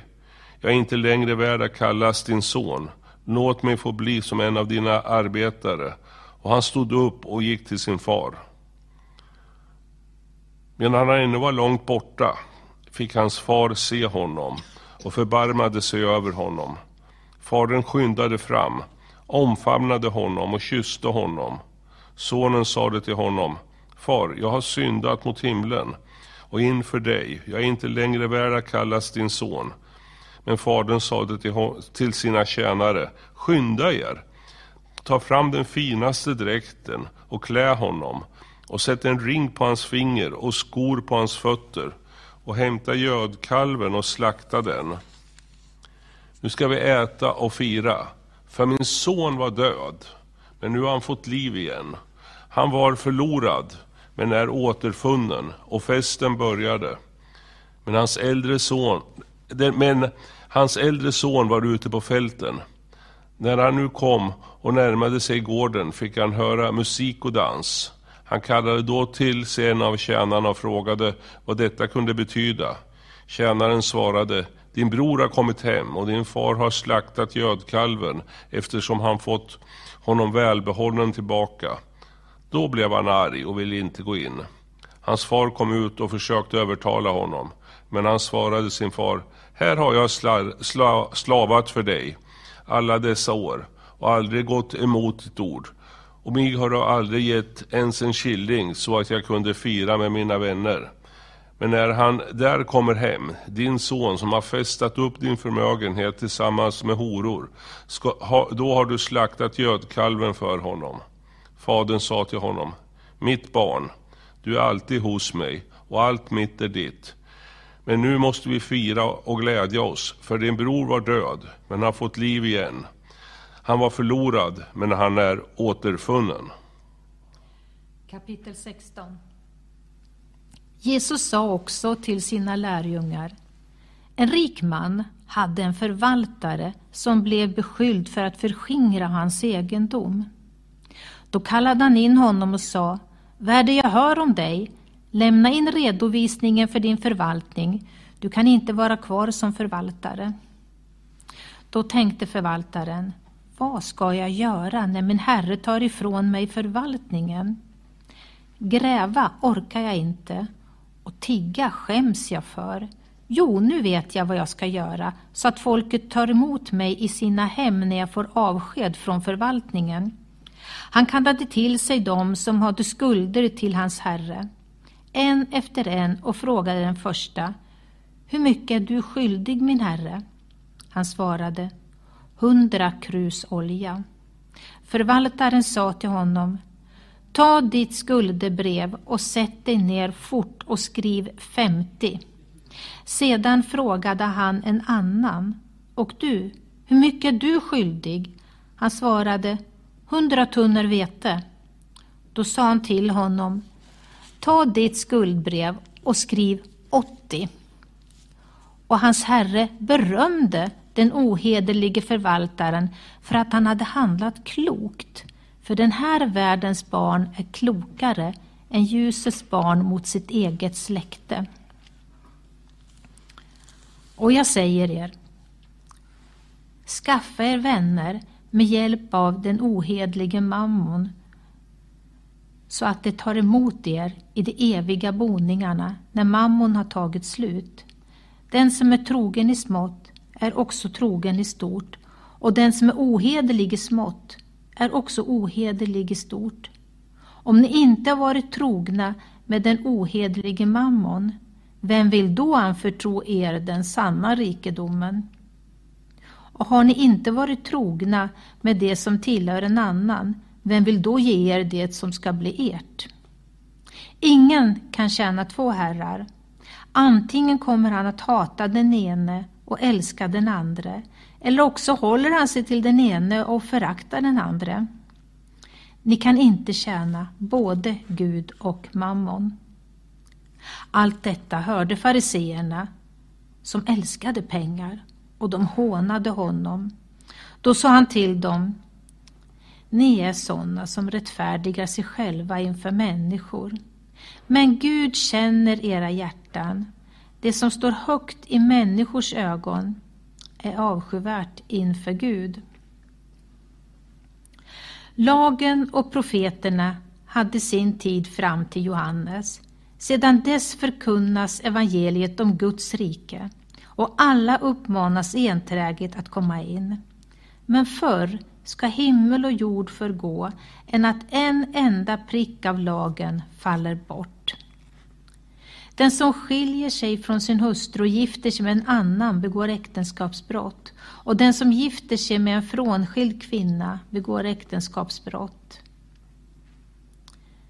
Det var en rik man som gick klädd i purpur och fint linne och levde i fest och lyx varje dag. Men vid hans port låg en fattig man som hette Lazarus, full av sår. Han längtade efter att få äta sig mätt på det som föll från den rikes bord. Hundarna kom till och med och slickade hans sår. Så dog den fattige och han fördes av änglarna till platsen vid Abrahams sida. Även den rike dog och blev begravd. I helvetet, där han plågades, lyfte han sin blick och fick se Abraham långt borta och Lazarus hos honom. Då ropade han Fader Abraham, förbarma dig över mig och skicka Lazarus att doppa sin fingertopp i vatten och svalka min tunga, för, för, för jag plågas i den här elden. Men Abraham svarade mitt barn, kom ihåg att du fick ut ditt goda medan du levde och Lasare fick ut det onda. Nu får han tröst här medan du får plåga. Och dessutom är det satt ett stort gap, en stor gapande klyfta mellan oss och er, för att det som vill gå över härifrån till er inte ska kunna det, och inte heller kommer någon därifrån över till oss. Mannen sa, då ber jag dig far att du skickar honom till min fars hus. Jag har fem bröder, han måste varna dem så att inte de också kommer hit till plågans plats. Men Abraham sa, de har Mose och profeterna. De ska lyssna till dem. Nej, fader Abraham, svarade han, men om någon kommer till dem från de döda omvänder de sig. Abraham sa till honom, lyssnar de inte till Mose och profeterna så låter de sig inte övertygas ens om någon uppstår från de döda. Kapitel 17 Jesus sade till, lärjungar, till sina lärjungar Förförelserna måste komma, men ve den genom vilken det kommer. Det hade varit bättre för honom att få en kvarnsten hängd om halsen och bli kastad i havet än att han förleder en av dessa små. Var på er vakt. Om din broder syndar, så tillrättavisa honom. Och om han ångrar sig, så förlåt honom. Även om han syndat mot dig sju gånger om dagen och kommer tillbaka till dig sju gånger och säger jag ångrar mig, så ska du förlåta honom. Då sade apostlarna till Herren, ge oss mer tro. Herren svarade, om ni har tro, bara som ett senapskorn, ska ni kunna säga till det här mullbärsträdet, ryck upp dig med rötterna och plantera dig i havet, och det ska lyda er. Om någon av er har en tjänare som plöjer eller vallar får, säger han då när tjänaren kommer hem från marken, kom nu och sätt dig till bords. Säger han inte snarare, laga något till kvällsmat åt mig och fäst upp dina kläder och passa upp mig medan jag äter och dricker. Sedan kan du äta själv och dricka. Inte tackar han tjänaren för att han gjorde det han fick i uppdrag. På samma sätt ska också ni säga när ni har gjort allt som ni fått i uppdrag. Vi är odugliga tjänare, vi har bara gjort vår plikt. På sin vandring mot Jerusalem tog Jesus vägen mot Samarien och Galileen. När han var på vägen in i en by möttes han av tio spetälska män. De stannade på avstånd och ropade Jesus, mästare, förbarma dig över oss. Han såg dem och, la, och sade till dem, gå och visa er för prästerna. Och medan de var på väg dit blev de rena. När en av dem såg att han var botad vände han tillbaka och prisade Gud med hög röst och föll ner på sitt ansikte för Jesu fötter och tackade honom. Han var samarier. Jesus frågade honom, blev inte alla tio rena? Var är de nio andra? Fanns det ingen som vände tillbaka för att ge Gud äran utom den här främlingen? Och han sade till honom, res dig och gå, din tro har frälst dig.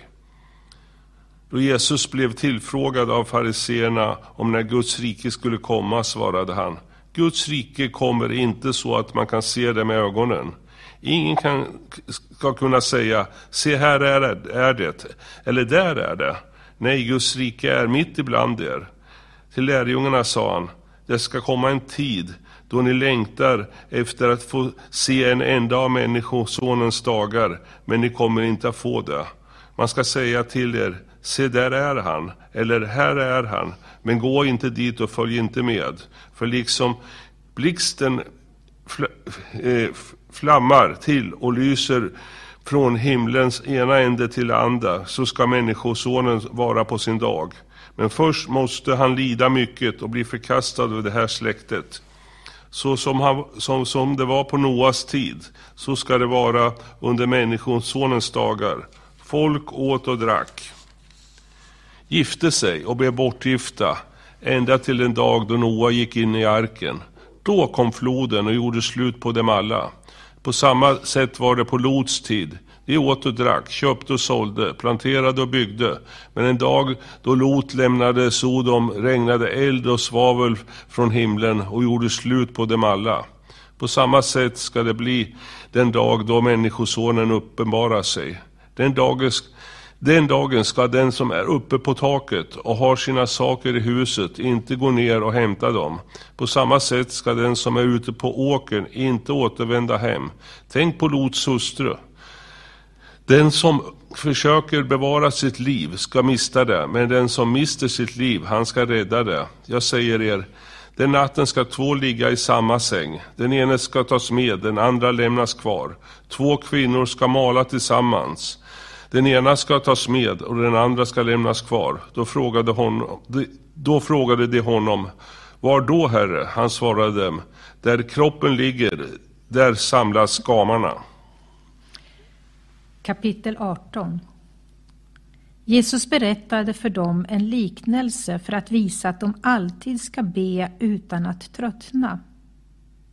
I en stad fanns en domare som varken fruktade Gud eller hade respekt för människor. I samma stad fanns en änka som kom till honom gång på gång och sa Ge mig rätt mot min motpart.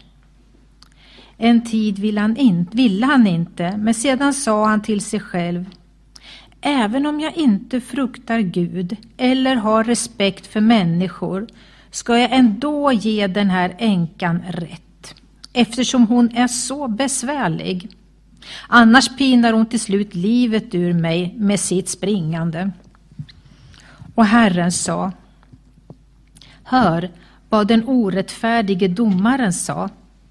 Skulle då inte Gud skaffa rätt åt sina utvalda som ropar till honom dag och natt? Han lyssnar tålmodigt till dem.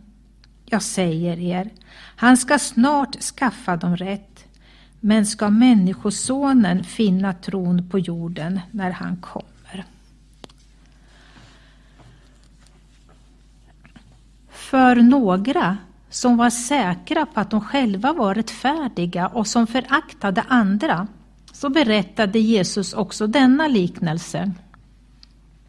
Två personer gick upp till templet för att be. Den ene var farisé och den andra tullindrivare. Farisén stod och bad för sig själv. Gud, jag tackar dig för att jag inte är som andra människor, roffare, brottslingar, äktenskapsbrytare eller som den där tullindrivaren. Jag fastar två gånger i veckan, jag är tionde av allt jag får in. Men tullindrivaren stod långt bort och vågade inte ens lyfta blicken mot himlen utan slog sig mot bröst och bad Gud, förlåt en syndare som mig. Jag säger er, han gick hem rättfärdig, inte den andre. Var och en som upphöjer sig ska bli förödmjukad, men den som ödmjukar sig ska bli upphöjd. Man bar också fram spädbarn till Jesus för att han skulle röra vid dem. När lärjungarna såg det visade de bort dem. Men Jesus kallade dem till sig och sa Låt barnen komma till mig och hindra dem inte, för Guds rike tillhör sådana som dem. Jag säger er sanningen. Den som inte tar emot Guds rike som ett barn kommer aldrig dit in. En högt uppsatt man frågade Jesus. Gode mästare, vad ska jag göra för att få evigt liv? Men Jesus sa till honom, varför kallar du mig god? Ingen är god utom Gud. Buden kan du. Du ska inte begå äktenskapsbrott, du ska inte mörda, du ska inte stjäla, du ska inte vittna falskt, hedra din far och din mor. Mannen sa, allt det har jag hållit sedan jag var ung. När Jesus hörde det sa han till honom, ett fattas fortfarande dig. Sälj allt du äger och dela ut till de fattiga. Då kommer du ha en skatt i himlen. Kom sen och följ mig. Ja, när mannen hörde detta blev han djupt bedrövad, för han var mycket rik. Jesus såg att han var bedrövad och sa Hur svårt är det inte för dem som har pengar att komma in i Guds rike? Det är lättare för en kamel att komma igenom ett nålsöga än för en rik att komma in i Guds rike. De som hörde det sa, vem kan då bli frälst? Han svarade, det som är omöjligt för människor är möjligt för Gud. Då sa Petrus, vi har lämnat det vi hade och följt dig. Jesus sa till dem, jag säger er sanningen. Var och en som har lämnat hus och hustru eller syskon eller föräldrar eller barn för Guds rike ska få mångdubbelt igen redan i den här världen och sedan evigt liv i den kommande världen. Jesus tog de tolv åt sidan och sa till dem Se, vi går upp till Jerusalem och allt som är skrivet om Människosonen genom profeterna ska gå i uppfyllelse. Han ska utlämnas åt hedningarna och de ska håna och skymfa honom, spotta på honom, gissla honom och döda honom. Och på tredje dagen ska han uppstå. Men lärjungarna förstod ingenting av detta. Det var fördolt för dem och de fattade inte vad han menade. När Jesus närmade sig Jeriko satt en blind man vid vägen och tiggde. Han hörde folk gå förbi och frågade vad som hände. Man berättade för honom att Jesus från Nasaret gick förbi och då ropade han Jesus, Davids son, förbarma dig över mig. De som gick främst sa åt honom att vara tyst. Men han ropade bara ännu mer Davids son, förbarma dig över mig. Jesus stannade och befallde att mannen skulle ledas fram till honom. När han kom närmare frågade Jesus Vad vill du att jag ska göra för dig? Han svarade Herre, gör så att jag kan se igen. Jesus sa till honom Du får din syn, din tro har frälst dig. Genast kunde han se och han följde Jesus och prisade Gud och allt folket som såg det prisade Gud. Kapitel 19 Jesus kom in i Jeriko och vandrade genom staden. Där fanns en man som hette Sackeus. Han var för, förman vid tullen och han var rik. Han ville se vem Jesus var, men kunde inte för folkets skull eftersom han var liten till växten. Då sprang han i förväg och klättrade upp i ett mullbärsfikonträd för att se honom, eftersom Jesus skulle komma den vägen. När Jesus kom till det stället såg han upp och sa till honom, Sackeus, skynda dig ner, för idag måste jag gästa ditt hem. Sackeus skyndade sig ner och tog emot honom med glädje. Alla som såg det mumlade förargat. Han tog in hos en syndare. Men Sackeus stod där och sa till Herren, hälften av det jag har, Herre, ger jag till de fattiga. Och, jag, och har jag lurat någon på något betalar jag fyrdubbelt igen. Jesus sa till honom, idag har frälsning kommit till det här huset. För också han är en Abrahams son. Människosonen har kommit för att söka upp och frälsa det som var förlorat. När de lyssnade till detta berättade Jesus ännu en liknelse eftersom han var nära Jerusalem och det tänkte sig att Guds rike nu genast skulle komma på ett synligt sätt. Han sa, en man av ädel börd reste till, till ett land långt bort för att bli kung och sedan komma tillbaka. Han kallade till sig tio av sina tjänare och gav dem tio pund och sa till dem, gör affärer med de här tills jag kommer tillbaka. Men hans landsmän hatade honom och skickade sändebud efter honom för att säga vi vill inte ha honom till kung över oss. När han sedan kom tillbaka och hade blivit kung lät han kalla till sig tjänarna som han hade gett pengarna. Han ville veta vad de hade tjänat. Den första kom fram och sa Herre, ditt pund har gett tio pund till. Då sa kungen Bra, du gode tjänare. Eftersom du var trogen i det minsta ska du få ha ansvar för tio städer. Den andra kom fram och sa, ditt pund, herre, har gett mig fem pund. Kungen sa till honom, och du ska styra över fem städer. Därefter kom en annan tjänare och sa, Herre, här är ditt pund. Jag har haft det undanlagt i en duk. Jag var nämligen rädd för dig, för att du är en sträng man du tar ut vad du inte har satt in och skördar vad du inte har sått. Hans herre sa till honom, efter dina egna ord ska jag döma dig, du usle tjänare. Så du visste att jag är en sträng man som tar ut vad jag inte har satt in och skördar vad jag inte har sått. Varför satte du då inte in mina pengar på banken? Så att jag kunde få igen dem med ränta när jag kom. Och till dem som stod bredvid sa han, ta ifrån honom pundet och ge det till honom som har tio pund. De sa, Herre, han har ju redan tio pund. Ja, jag säger er, var och en som har ska få, men den som inget har ska bli fråntagen även det han har. Men mina fiender som inte ville ha mig till kung över sig, hämta hit dem och hugg ner dem här inför mig. När Jesus hade sagt detta gick han fram, framför dem upp till Jerusalem. Då han närmade sig Betfage och Betania vid det berg som kallas Olivberget sände han iväg två av lärjungarna och sa Gå in i byn där framme. När ni kommer in ska ni finna ett åsneför som står bundet och som ännu ingen har suttit på. Ta loss det och led hit det. Och om någon frågar er varför ni lossar det så ska ni svara Herren behöver det. Det som var utsända gav sig iväg och fann att det var som han hade sagt dem. De lossade fölet och det som ägde det sa Varför tar ni loss fölet? De svarade Herren behöver det. De ledde det till Jesus och lade sina mantlar på fölet och lät Jesus sitta upp. Och där han red fram bredde man ut sina mantlar på vägen. När han närmade sig sluttningen av Olivberget började hela skaran av lärjungar i sin glädje prisa Gud med hög röst för att alla kraftgärningar de hade fått se.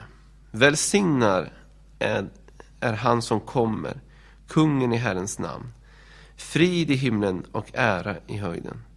Några fariseer i folkmassan sa då till honom, Mästare, säg åt dina lärjungar. Han svarade, Jag säger er, om de tiger kommer stenarna att ropa. När Jesus kom närmare och såg staden grät han över den och sa Tänk om du idag hade förstått också du vad som ger dig frid. Men nu är det dolt för dina ögon. Dagar ska drabba dig då dina fiender bygger en belägringsvall runt dig och omringar och pressar dig från alla håll. De ska slå dig och dina barn i dig till marken och inte lämna sten på sten i dig. Därför att du inte förstod den tid då Herren besökte dig. Sedan gick Jesus in på tempelplatsen och började driva ut dem som sålde det. Han sa till dem, det står skrivet, mitt hus ska vara ett bönens hus, men ni har gjort det till ett rövarnäste. Och han undervisade i templet varje dag. Översteprästerna, de skriftlärda och folkets ledare sökte efter ett tillfälle att röja honom ur vägen. Men de kunde inte komma på hur de skulle göra eftersom allt folket höll sig nära honom och lyssnade ivrigt. Kapitel 20 en dag när Jesus undervisade folket i templet och förkunnade evangeliet kom översteprästerna och de skriftlärde fram tillsammans med de äldste och frågade honom Säg oss, vad har du för fullmakt att göra detta? Vem är det som har gett dig den fullmakten? Han svarade dem, jag vill också fråga er en sak. Säg mig, Johannes dop, var det från himlen eller från människor? De samrådde med varandra och sade, om vi säger från himlen, så säger han, varför trodde ni då inte på honom? Men om vi säger från människor, så kommer allt folket att stena oss. De är ju övertygade om att Johannes var en profet. Därför svarade de att de inte visste varifrån det var. Jesus sade till dem, då säger inte heller jag till er vad jag har för fullmakt att göra det här. Sedan började han berätta denna liknelse för folket. En man planterade en vingård. Han arrenderade ut den till vinodlare och reste bort för en längre tid. När tiden var inne sände han en tjänare till vinodlarna för att de skulle ge honom hans del av vingårdens frukt. Men vinodlarna slog honom och skickade iväg honom tomhänt. Då sände han en annan tjänare. Också honom slog de och förnedrade och skickade iväg tomhänt. Sen sände han en tredje tjänare, men även honom slog de blodig och kastade ut. Då sade vingårdens herre, vad ska jag göra? Jag ska sända min älskade son, honom ska de väl ha respekt för. Men när vidodlarna fick se honom samrådde de med varandra och sade Här är arvtagaren. Vi dödar honom så blir arvet vårt. Och de kastade ut honom ur vingården och dödade honom. Vad ska nu vingårdens herre göra med dem? Han ska komma och döda dessa vinodlare och ge vingården till andra. När de hörde detta sade de, det får inte hända. Men han såg på dem och frågade, vad menas då med det här stället i skriften? Stenen som husbyggarna förkastade har blivit en hörnsten. Den som faller på den stenen blir sönderslagen och den som stenen faller på blir krossad. De skriftlärda och översteprästerna ville då gripa honom på en gång. Men de vågade inte för folket. De förstod att det var dem som man hade talat om i liknelsen. De höll Jesus under uppsikt och skickade ut några spioner som skulle låtsas vara ärliga för att få, last, eh, få fast honom för något som han sade, så att de kunde utlämna honom mot ståthållarens makt och myndighet. De frågade honom, Mästare, vi vet att du talar och undervisar rätt och inte tar parti för någon utan lär ut sanningen om Guds väg. Är det tillåtet för oss att betala skatt till kejsaren eller inte? Men han genomskådade deras list och sade till dem, Visa mig en denar. Vems bild och inskrift har den? De svarade, kejsarens. Han sade till dem, Ge då kejsaren det som tillhör kejsaren och Gud det som tillhör Gud. De lyckades inte få fast honom för något som han sade inför folket utan teg, förundrade över hans svar. Sedan kom det fram några saddukeer, de som förnekar att det finns en uppståndelse. De frågade Jesus, Mästare, Mose gav oss föreskriften att om någon har en bror som är gift men dör barnlös så ska han gifta sig med änkan och skaffa barn åt sin bror. Nu fanns där sju bröder. Den förste tog sig en hustru men dog barnlös. Den andra och den tredje gifte sig med henne och så gjorde alla sju, men de dog och efterlämnade inga barn. Till slut dog också kvinnan. Så vems hustru blir hon vid uppståndelsen? Alla sju var ju gifta med henne. Jesus svarade dem, de som lever i den här världen gifter sig och blir bortgifta. Men de som anses värdiga att nå den andra världen och uppståndelsen från de döda, de varken gifter sig eller blir bortgifta.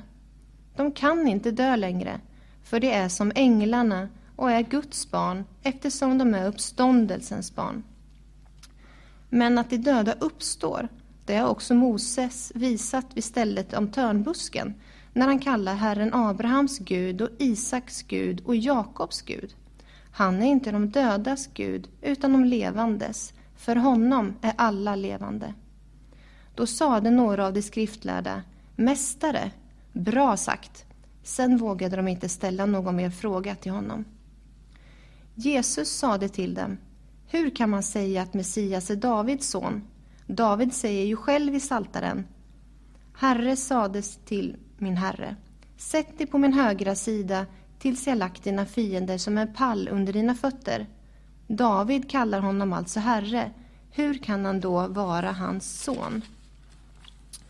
Medan allt folket hörde på Jesus till sina lärjungar. Akta er för de skriftlärda som njuter av att gå runt i långa mantlar och älskar att bli hälsade på torgen och få de främsta platserna i synagogorna och hedersplatserna vid festmåltiderna. De äter änkorna ur husen och ber långa böner för syns skull. Det ska få en så mycket strängare dom. Kapitel 21 Jesus lyfte blicken och såg hur de rika lade sina gåvor i offerkistan. Men han såg också hur en fattig änka lade två små, kopp, eh, två små koppar mynt. Då sa han, jag säger er sanningen, den här fattiga änkan gav mer än de andra. Alla andra gav av sitt överflöd i offerkistan, men hon gav i sin fattigdom allt hon hade att leva på.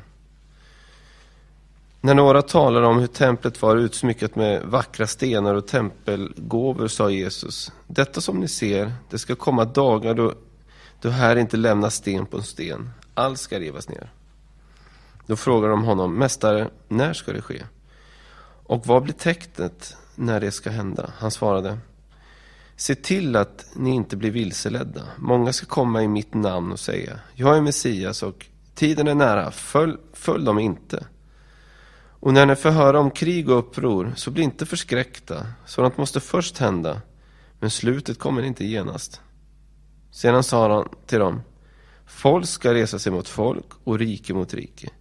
Det ska bli stora jordbävningar och svält och pest på den ena platsen efter den andra och skrämmande syner och väldiga tecken från himlen. Men innan allt detta händer ska man gripa och förfölja er. Man ska utlämna er åt synagogor och fängelser och ställa er inför kungar och ståthållare för mitt namns skull. Då får ni tillfälle att vittna. Bestäm er för att inte förbereda några försvarstal, för jag ska ge er en mun och en vishet som ingen av era fiender ska kunna stå emot eller säga emot. Ni kommer att bli förrådda till och med av föräldrar och syskon och släktingar och vänner. Och en del av dem ska man döda. Och ni kommer att bli hatade av alla för mitt namns skull. Men inte ett hår på ert huvud ska gå förlorat. Genom att stå fasta ska ni vinna era själar. När ni ser Jerusalem omringas av arméer, då vet ni att dess förstörelse är nära. Då måste de som är i Judeen fly till berget och det som är inne i staden måste lämna den och det som är ute på landet får inte gå in i staden. Det är straffets tid, då allt som är skrivet ska gå i uppfyllelse. Ve de som väntar barn eller ammar under de dagarna, för landet ska drabbas av stor nöd och vredesdomen ska nå detta folk. De ska falla för svärdsägg och föras bort som fångar till alla hedna folk. Och Jerusalem ska trampas av hedningar tills hedningarnas tider är fullbordade. Tecken ska visa sig i solen och månen och stjärnorna. Och på jorden ska folken gripas av ångest och stå rådlösa vid havets och vågornas dån. Människor ska tappa andan av skräck i väntan på det som ska drabba världen. För himlens makter ska skakas. Då ska man se Människosonen komma i ett mål med stor makt och härlighet. Men när det här börjar hända, så räta på er och lyft era huvuden, för er befrielse närmar sig. Han gav dem också en liknelse. Se på fikonträdet och alla andra träd. När ni ser att de knoppas förstår ni av er själva att sommaren redan är nära. På samma sätt vet ni, när ni ser detta hända, att Guds rike är nära. Jag säger er sanningen. Det här släktet ska inte förgå förrän allt detta sker. Himmel och jord ska förgå, men mina ord ska aldrig förgå. Men akta er för att tynga era hjärtan med festande rus och livets bekymmer, så att den dagen plötsligt drabbar er som en snara, för den ska drabba alla som bor över hela jorden. Var ständigt vakna och be om kraft att undfly allt som ska ske och kunna bestå inför Människosonen. Under dagarna var han i templet och undervisade, men på kvällarna gick han ut och övernatt, övernattade på berg som kallas Olivberget. Eh, och tidigt på morgonen kom allt folket till honom i templet för att lyssna på honom. Kapitel 22 Det osyrade brödets högtid, som kallas påsk, var nu nära. Översteprästerna och de skriftlärda sökte efter ett sätt att röja Jesus ur vägen, men de var rädda för folket. Då for Satan in i Judas, som kallades Iskariot och var en av de tolv. Han gick bort och talade med översteprästerna och ledarna för tempelvakten om hur han skulle kunna utlämna Jesus åt dem. De blev glada och kom överens om att ge honom pengar. Han samtyckte och sökte nu efter ett lämpligt tillfälle att utlämna honom åt dem utan att folket var med. Så kom den dag i det osyrade brödets högtid då påskalammet skulle slaktas. Då sände Jesus iväg Petrus och Johannes och sade Gå och gör i ordning så att vi kan äta påskalammet. De frågade honom Var vill du att vi gör i ordning? Han svarade dem När ni kommer in i staden ska ni mötas av en man som bär en vattenkruka. Följ honom till huset där han går in och säg till husets ägare Mästaren frågar dig, var är gästrummet där jag kan äta påskalammet med mina lärjungar? Då ska han visa er en stor sal på övervåningen som är inredd. Gör i ordning där. De gick och fann att det var Jesus, att det som Jesus hade sagt dem, och de gjorde i ordning påskalammet. När stunden var inne lade han sig till bords och apostlarna tillsammans med honom, och han sade till dem, jag har längtat mycket efter att äta den här påskmåltiden med er innan mitt lidande börjar. För jag säger er att jag inte kommer att äta det mer förrän det får sin fullbordan i Guds rike. Och han tog en bägare, tackade Gud och sade Ta detta och dela mellan er, för jag säger er från denna stund ska jag inte dricka av vinstockens frukt förrän Guds rike kommer. Och han tog ett bröd, tackade Gud, bröt det och gav åt dem och sade Detta är min kropp som blir utgiven för er. Gör detta för att minnas mig. På samma sätt tog han bägaren efter måltiden och sade denna bägare är det nya förbundet genom mitt blod som blir utgjutet för er. Men se, den som förråder mig har sin hand med mig på bordet. Människosonen går bort som det är bestämt, men ve den människa genom vilken han blir förrådd. Då började de fråga varandra vem av dem det kunde vara som skulle göra det.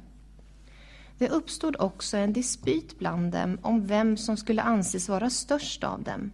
Då sade Jesus till dem, Folkens kungar beter sig som herrar över dem, och de som har makten kallar sig deras välgörare. Men ni ska inte göra så. Den som är störst bland er ska vara som den yngste, och ledaren vara som tjänaren. För vem är störst?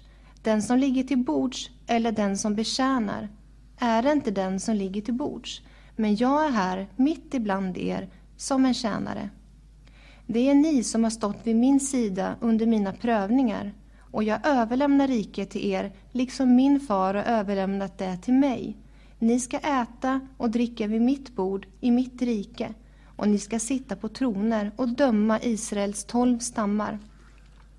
Simon, Simon, Satan har begärt att få sålla er som vete, men jag har bett för dig att din tro inte ska ta slut. Och när du en gång har omvänt dig, styrk då dina bröder. Då sade Petrus till honom, Herre, med dig är jag beredd att gå både i fängelse och i döden. Jesus svarade, jag säger dig Petrus, tuppen kommer inte att gala i natt förrän du tre gånger har förnekat att du känner mig. Sedan sade han till dem, när jag sände ut er utan börs, väska och sandaler, saknade ni då något? De svarade, nej, inget.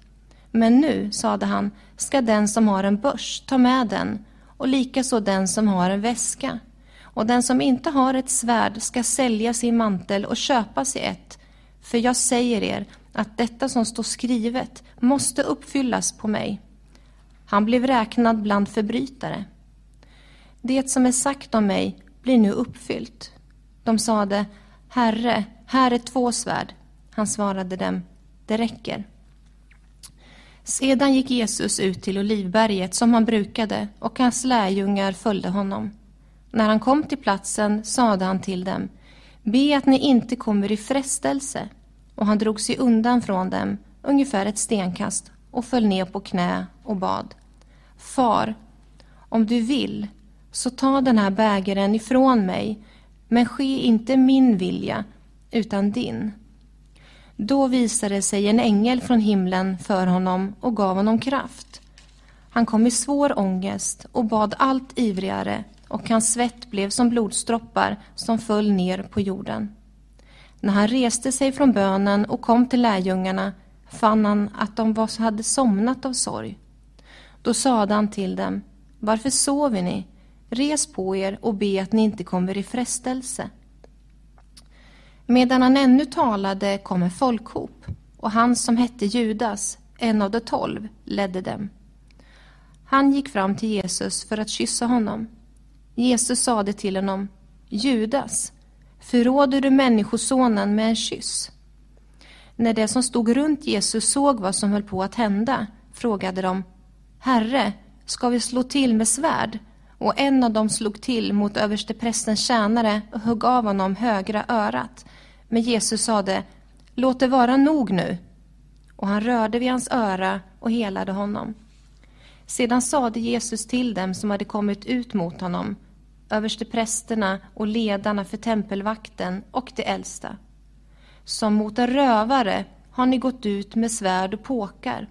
Jag har varit med er i templet varje dag utan att ni grep mig, men detta är er stund. Nu råder mörkrets makt. Då grep de Jesus och förde bort honom och tog honom till översteprästens hus.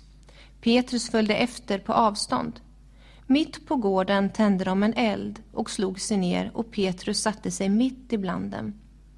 En tjänsteflicka såg honom sitta där vid elden och hon betraktade honom noga och sade Den där var också med honom. Men han nekade. Nej, kvinna, jag känner honom inte. Strax därefter fick en annan syn på honom och sade Du var också en av dem. Men Jesus svarade Människa, det är jag inte alls. Ungefär en timme senare var det en annan som bestämt försäkrade Visst var det den där med honom, han är ju Galilé. Men Petrus sade, människa, jag förstår inte vad du pratar om, och genast medan han ännu talade, gol tuppen. Då vände Herren sig om och såg på Petrus, och Petrus kom ihåg Herrens ord, att han hade sagt till honom, innan tuppen gal i natt skall du tre gånger förneka mig. Och han gick ut och grät bittert. Männen som bevakade Jesus hånade honom och slog honom. De täckte över honom och frågade Profetera, vem var det som slog dig? De sade också mycket annat hånfullt till honom. När det blev dag samlades folkets äldste, både överstepräster och skriftlärda. De lät föra honom inför sitt råd och frågade Är du Messias, så säg det till oss. Han svarade dem Om jag säger det till er tror ni det inte, och om jag frågar svarar ni inte. Men härefter ska Människosonen sitta på Guds, den allmäktiges, högra sida. Då frågade alla Så du är alltså Guds son? Han svarade dem Ni själva säger att jag är. De sade, behöver vi något mer vittnesmål? Vi har själva hört det från hans egen mun. Kapitel 23 alla de församlade bröt nu upp och förde honom till Pilatus. Där började de anklaga honom och säga Vi har funnit att den här mannen förleder vårt folk. Han förbjuder att man betalar skatt till kejsaren och han säger att han är Messias, en kung. Pilatus frågade honom, så du är judarnas kung? Jesus svarade, du själv säger det. Pilatus sa då till översteprästerna och till folket, jag ser inget brottsligt hos denne mannen. Men han var påstridig och sa, han hetsar upp folket med sin lära över hela Judeen, från Galileen och ända hit. När Pilatus hörde detta frågade han om mannen var Galilé. Och när han fick veta att Jesus kom från Herodes myndighetsområde skickade han honom till Herodes som också var i Jerusalem under de dagarna. När Herodes fick se Jesus blev han mycket glad. Han hade länge velat träffa honom, för han hade hört om honom och hoppades få se honom göra något tecken. Herodes ställde många frågor till honom, men Jesus svarade honom inte. Översteprästerna och de skriftlärda stod där och anklagade honom häftigt. Då fick Herodes och hans soldater förakt för honom och han, han hånade honom genom att sätta på honom en praktfull dräkt innan han sände honom tillbaka till Pilatus. Den dagen blev Herodes och Pilatus vänner med varandra. Förut hade det rått fiendskap mellan dem. Pilatus sammankallade översteprästerna och rådsherrarna och folket och sa till dem. Ni har fört den här mannen till mig och har sagt att han förvillar folket. Jag har nu förhört honom i er närvaro men inte funnit honom skyldig till det ni anklagar honom för.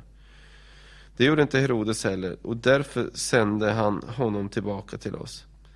Ni ser att han inte har gjort något som förtjänar döden. Därför ska jag prygla honom och sedan släppa honom. Då skrek hela hopen. Bort med honom! Låt oss få Barabbas fri. Barabbas var fängslad för ett upplopp i staden och för mord. Pilatus sa till dem igen för han ville släppa Jesus. Men de ropade korsfäst, korsfäst honom. För tredje gången sa han till dem, vad hade han gjort för, för ont? Jag har inte funnit honom skyldig till något som förtjänar döden. Därför ska jag prygla honom och sedan släppa honom. Men de pressade honom med höga rop och krävde att Jesus skulle korsfästas och deras rop blev allt starkare. Pilatus beslöt då att, de fick bli som de, att, det, att det fick bli som de krävde. Han släppte den som var fängslad för upplopp och mord. Den som de ville ha, men, ut, men utlämnade Jesus åt deras vilja. När de förde bort honom grep de en man som just kom in från landet, Simon från Kyrene. På honom lade, lade de korset för att han skulle bära det efter Jesus. En stor skara ur folket följde honom, även kvinnor som sörjde och grät över honom.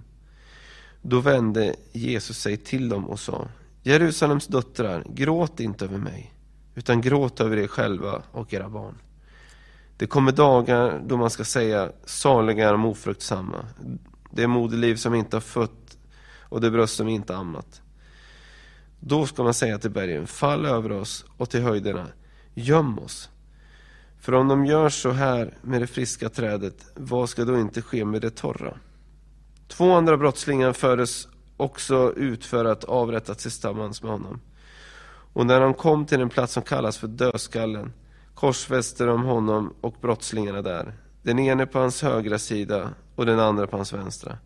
Men Jesus sa, Far, förlåt dem, för de vet inte vad de gör. Och de, kallade, eller, och de delade hans kläder mellan sig och kastade lott om dem. Folket stod där och såg på. Men rådsherrarna hånade honom och sa, andra har han frälst. Nu får han frälsa sig själv om han är Guds Messias, den utvalde. Även soldaterna kom fram och hånade honom. De räckte honom surt vin och sa, och du är judarnas kung, fräls då dig själv. Över honom fanns det också ett anslag. Detta är judarnas kung. En av brottslingarna som var upphängda där hånade honom och sa, är inte du Messias? Fräls då dig själv och oss också. Men den andra tillrättavisade honom och sa, fruktar du inte ens Gud, du som är under samma dom? Vår dom är rättvis. Vi får vad vi har förtjänat för det vi har gjort.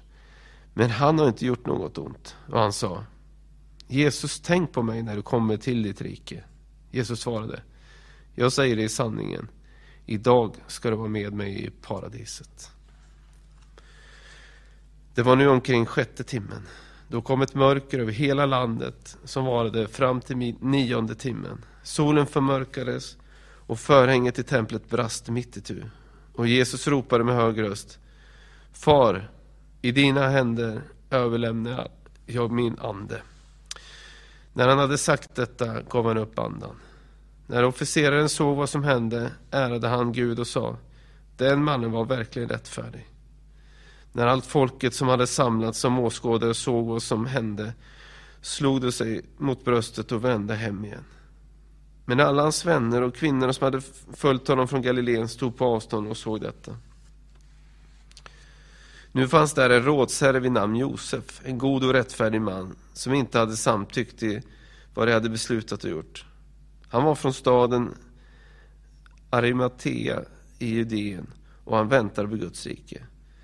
Josef gick till Pilatus och bad att få, få Jesu kropp. Han tog ner den, svepte den i lindetyg, la den i en uthuggen klippgrav där ännu ingen hade blivit lagd. Det var förberedelsedag och sabbaten skulle just börja. Kvinnorna som hade kommit med Jesus från Galileen följde efter och såg graven och hur hans kropp blev lagd där. Sedan återvände de hem och gjorde i ordning väldoftande kryddor och oljor. Och under sabbaten var de i stillhet efter lagens bud. Kapitel 24 den första veckodagen kom de tidigt i gryningen till graven med de väldoftade oljorna som hade gjort i ordning. Då fann de att stenen var bortrullad från graven. De gick in, men fann inte Herren Jesu kropp. När de inte visste vad de skulle tro, då stod plötsligt två män i skinande kläder framför dem. Kvinnorna blev rädda och böjde ansiktet mot marken. Men männen sade, varför söker ni den levande bland de döda? Han är inte här, han har uppstått. Kom ihåg vad han sade till er medan han fortfarande var i Galileen. Människosonen måste utlämnas i syndares händer och bli korsfäst och uppstå på tredje dagen. Då kom de ihåg hans ord. Och de återvände från graven och berättade allt detta för de elva och för alla de andra. Det var Maria Magdalena och Johanna och Maria, Jakobs mor. Även de andra kvinnorna som var med dem talade om det för apostlarna. Men de tyckte deras ord var tomt prat och trodde inte på dem. Men Petrus reste sig och sprang till graven och när han lutade sig in såg han bara linnebindlarna och han gick hem full av förundran över det som hade hänt. Samma dag var två av dem på väg till en by som heter Emmaus och låg drygt en mil från Jerusalem. De gick och samtalade med varandra om allt som hade hänt. Medan de samtalade och diskuterade närmade sig Jesus själv och vandrade med dem. Men deras ögon var slutna så att de inte kände igen honom. Han frågade dem, vad är det ni går och samtalar med varandra om? Då stannade de och såg bedrövade ut. Och den ene som hette Kleopas sade till honom, är du den enda som har besökt Jerusalem och inte vet vad som hänt de här dagarna? Han frågade dem, vad då? De svarade, detta med Jesus från Nasaret. Han var en profet, mäktig i ord och gärning inför Gud och hela folket. Våra överste präster och rådsherrar utlämnade honom till en dödsdom och korsfäste honom. Men vi hade hoppats att han var den som skulle frälsa Israel. Förutom allt detta är det nu den tredje dagen sedan det hände och dessutom har några kvinnor bland oss gjort oss uppskakade. De gick till graven tidigt på morgonen men fann inte hans kropp. De kom och berättade att de hade sett en syn med änglar som sade att han lever. Då gick några av de våra till graven och de fann att det var som kvinnorna hade sagt, men honom själv såg de inte. Då sade han till dem, så tröga ni är i tanke och hjärta till att tro på allt som profeterna har sagt. Måste inte Messias lida det här för att sedan gå in i sin härlighet? Och han började med Mose och alla profeterna och förklarade för dem, för dem vad det stod om honom i alla skrifterna. Det närmade sig byn dit de var på väg och han verkade vilja gå vidare. Men de bad honom ivrigt, stanna kvar hos oss, det är snart kväll och dagen går mot sitt slut. Då gick han in och stannade hos dem och han låg till bords med dem, eh, tog han brödet, tackade Gud, bröt det och gav åt dem. Då öppnades deras ögon och de kände igen honom, men han försvann ur deras åsyn. De sade till varandra, brann inte våra hjärtan i oss när han talade med oss på vägen, när han öppnade skrifterna för oss? De bröt upp i samma stund och återvände till Jerusalem, där de fann de elva och de andra lärjungarna samlade. Dessa sade, Herren har verkligen uppstått och han har visat sig för Simon och själva berättade de vad som hade hänt på vägen och hur han hade låtit dem känna igen honom vid brödsbrytelsen.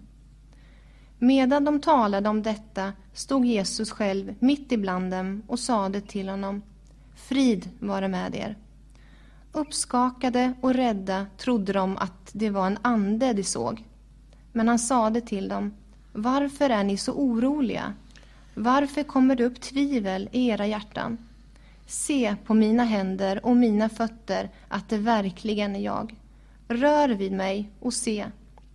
En ande har inte kött och ben som ni ser att jag har. När han hade sagt detta visade han dem sina händer och fötter. När de i sin glädje och förundran fortfarande inte kunde tro frågade han dem, har ni något ätbart här? Då, sa, då räckte de honom en bit stekt fisk och han tog den och åt inför deras ögon. Och han sade till dem, detta är vad jag sade till er medan jag ännu var hos er. Allt måste uppfyllas som är skrivet om mig i Mose lag, profeterna och salmerna.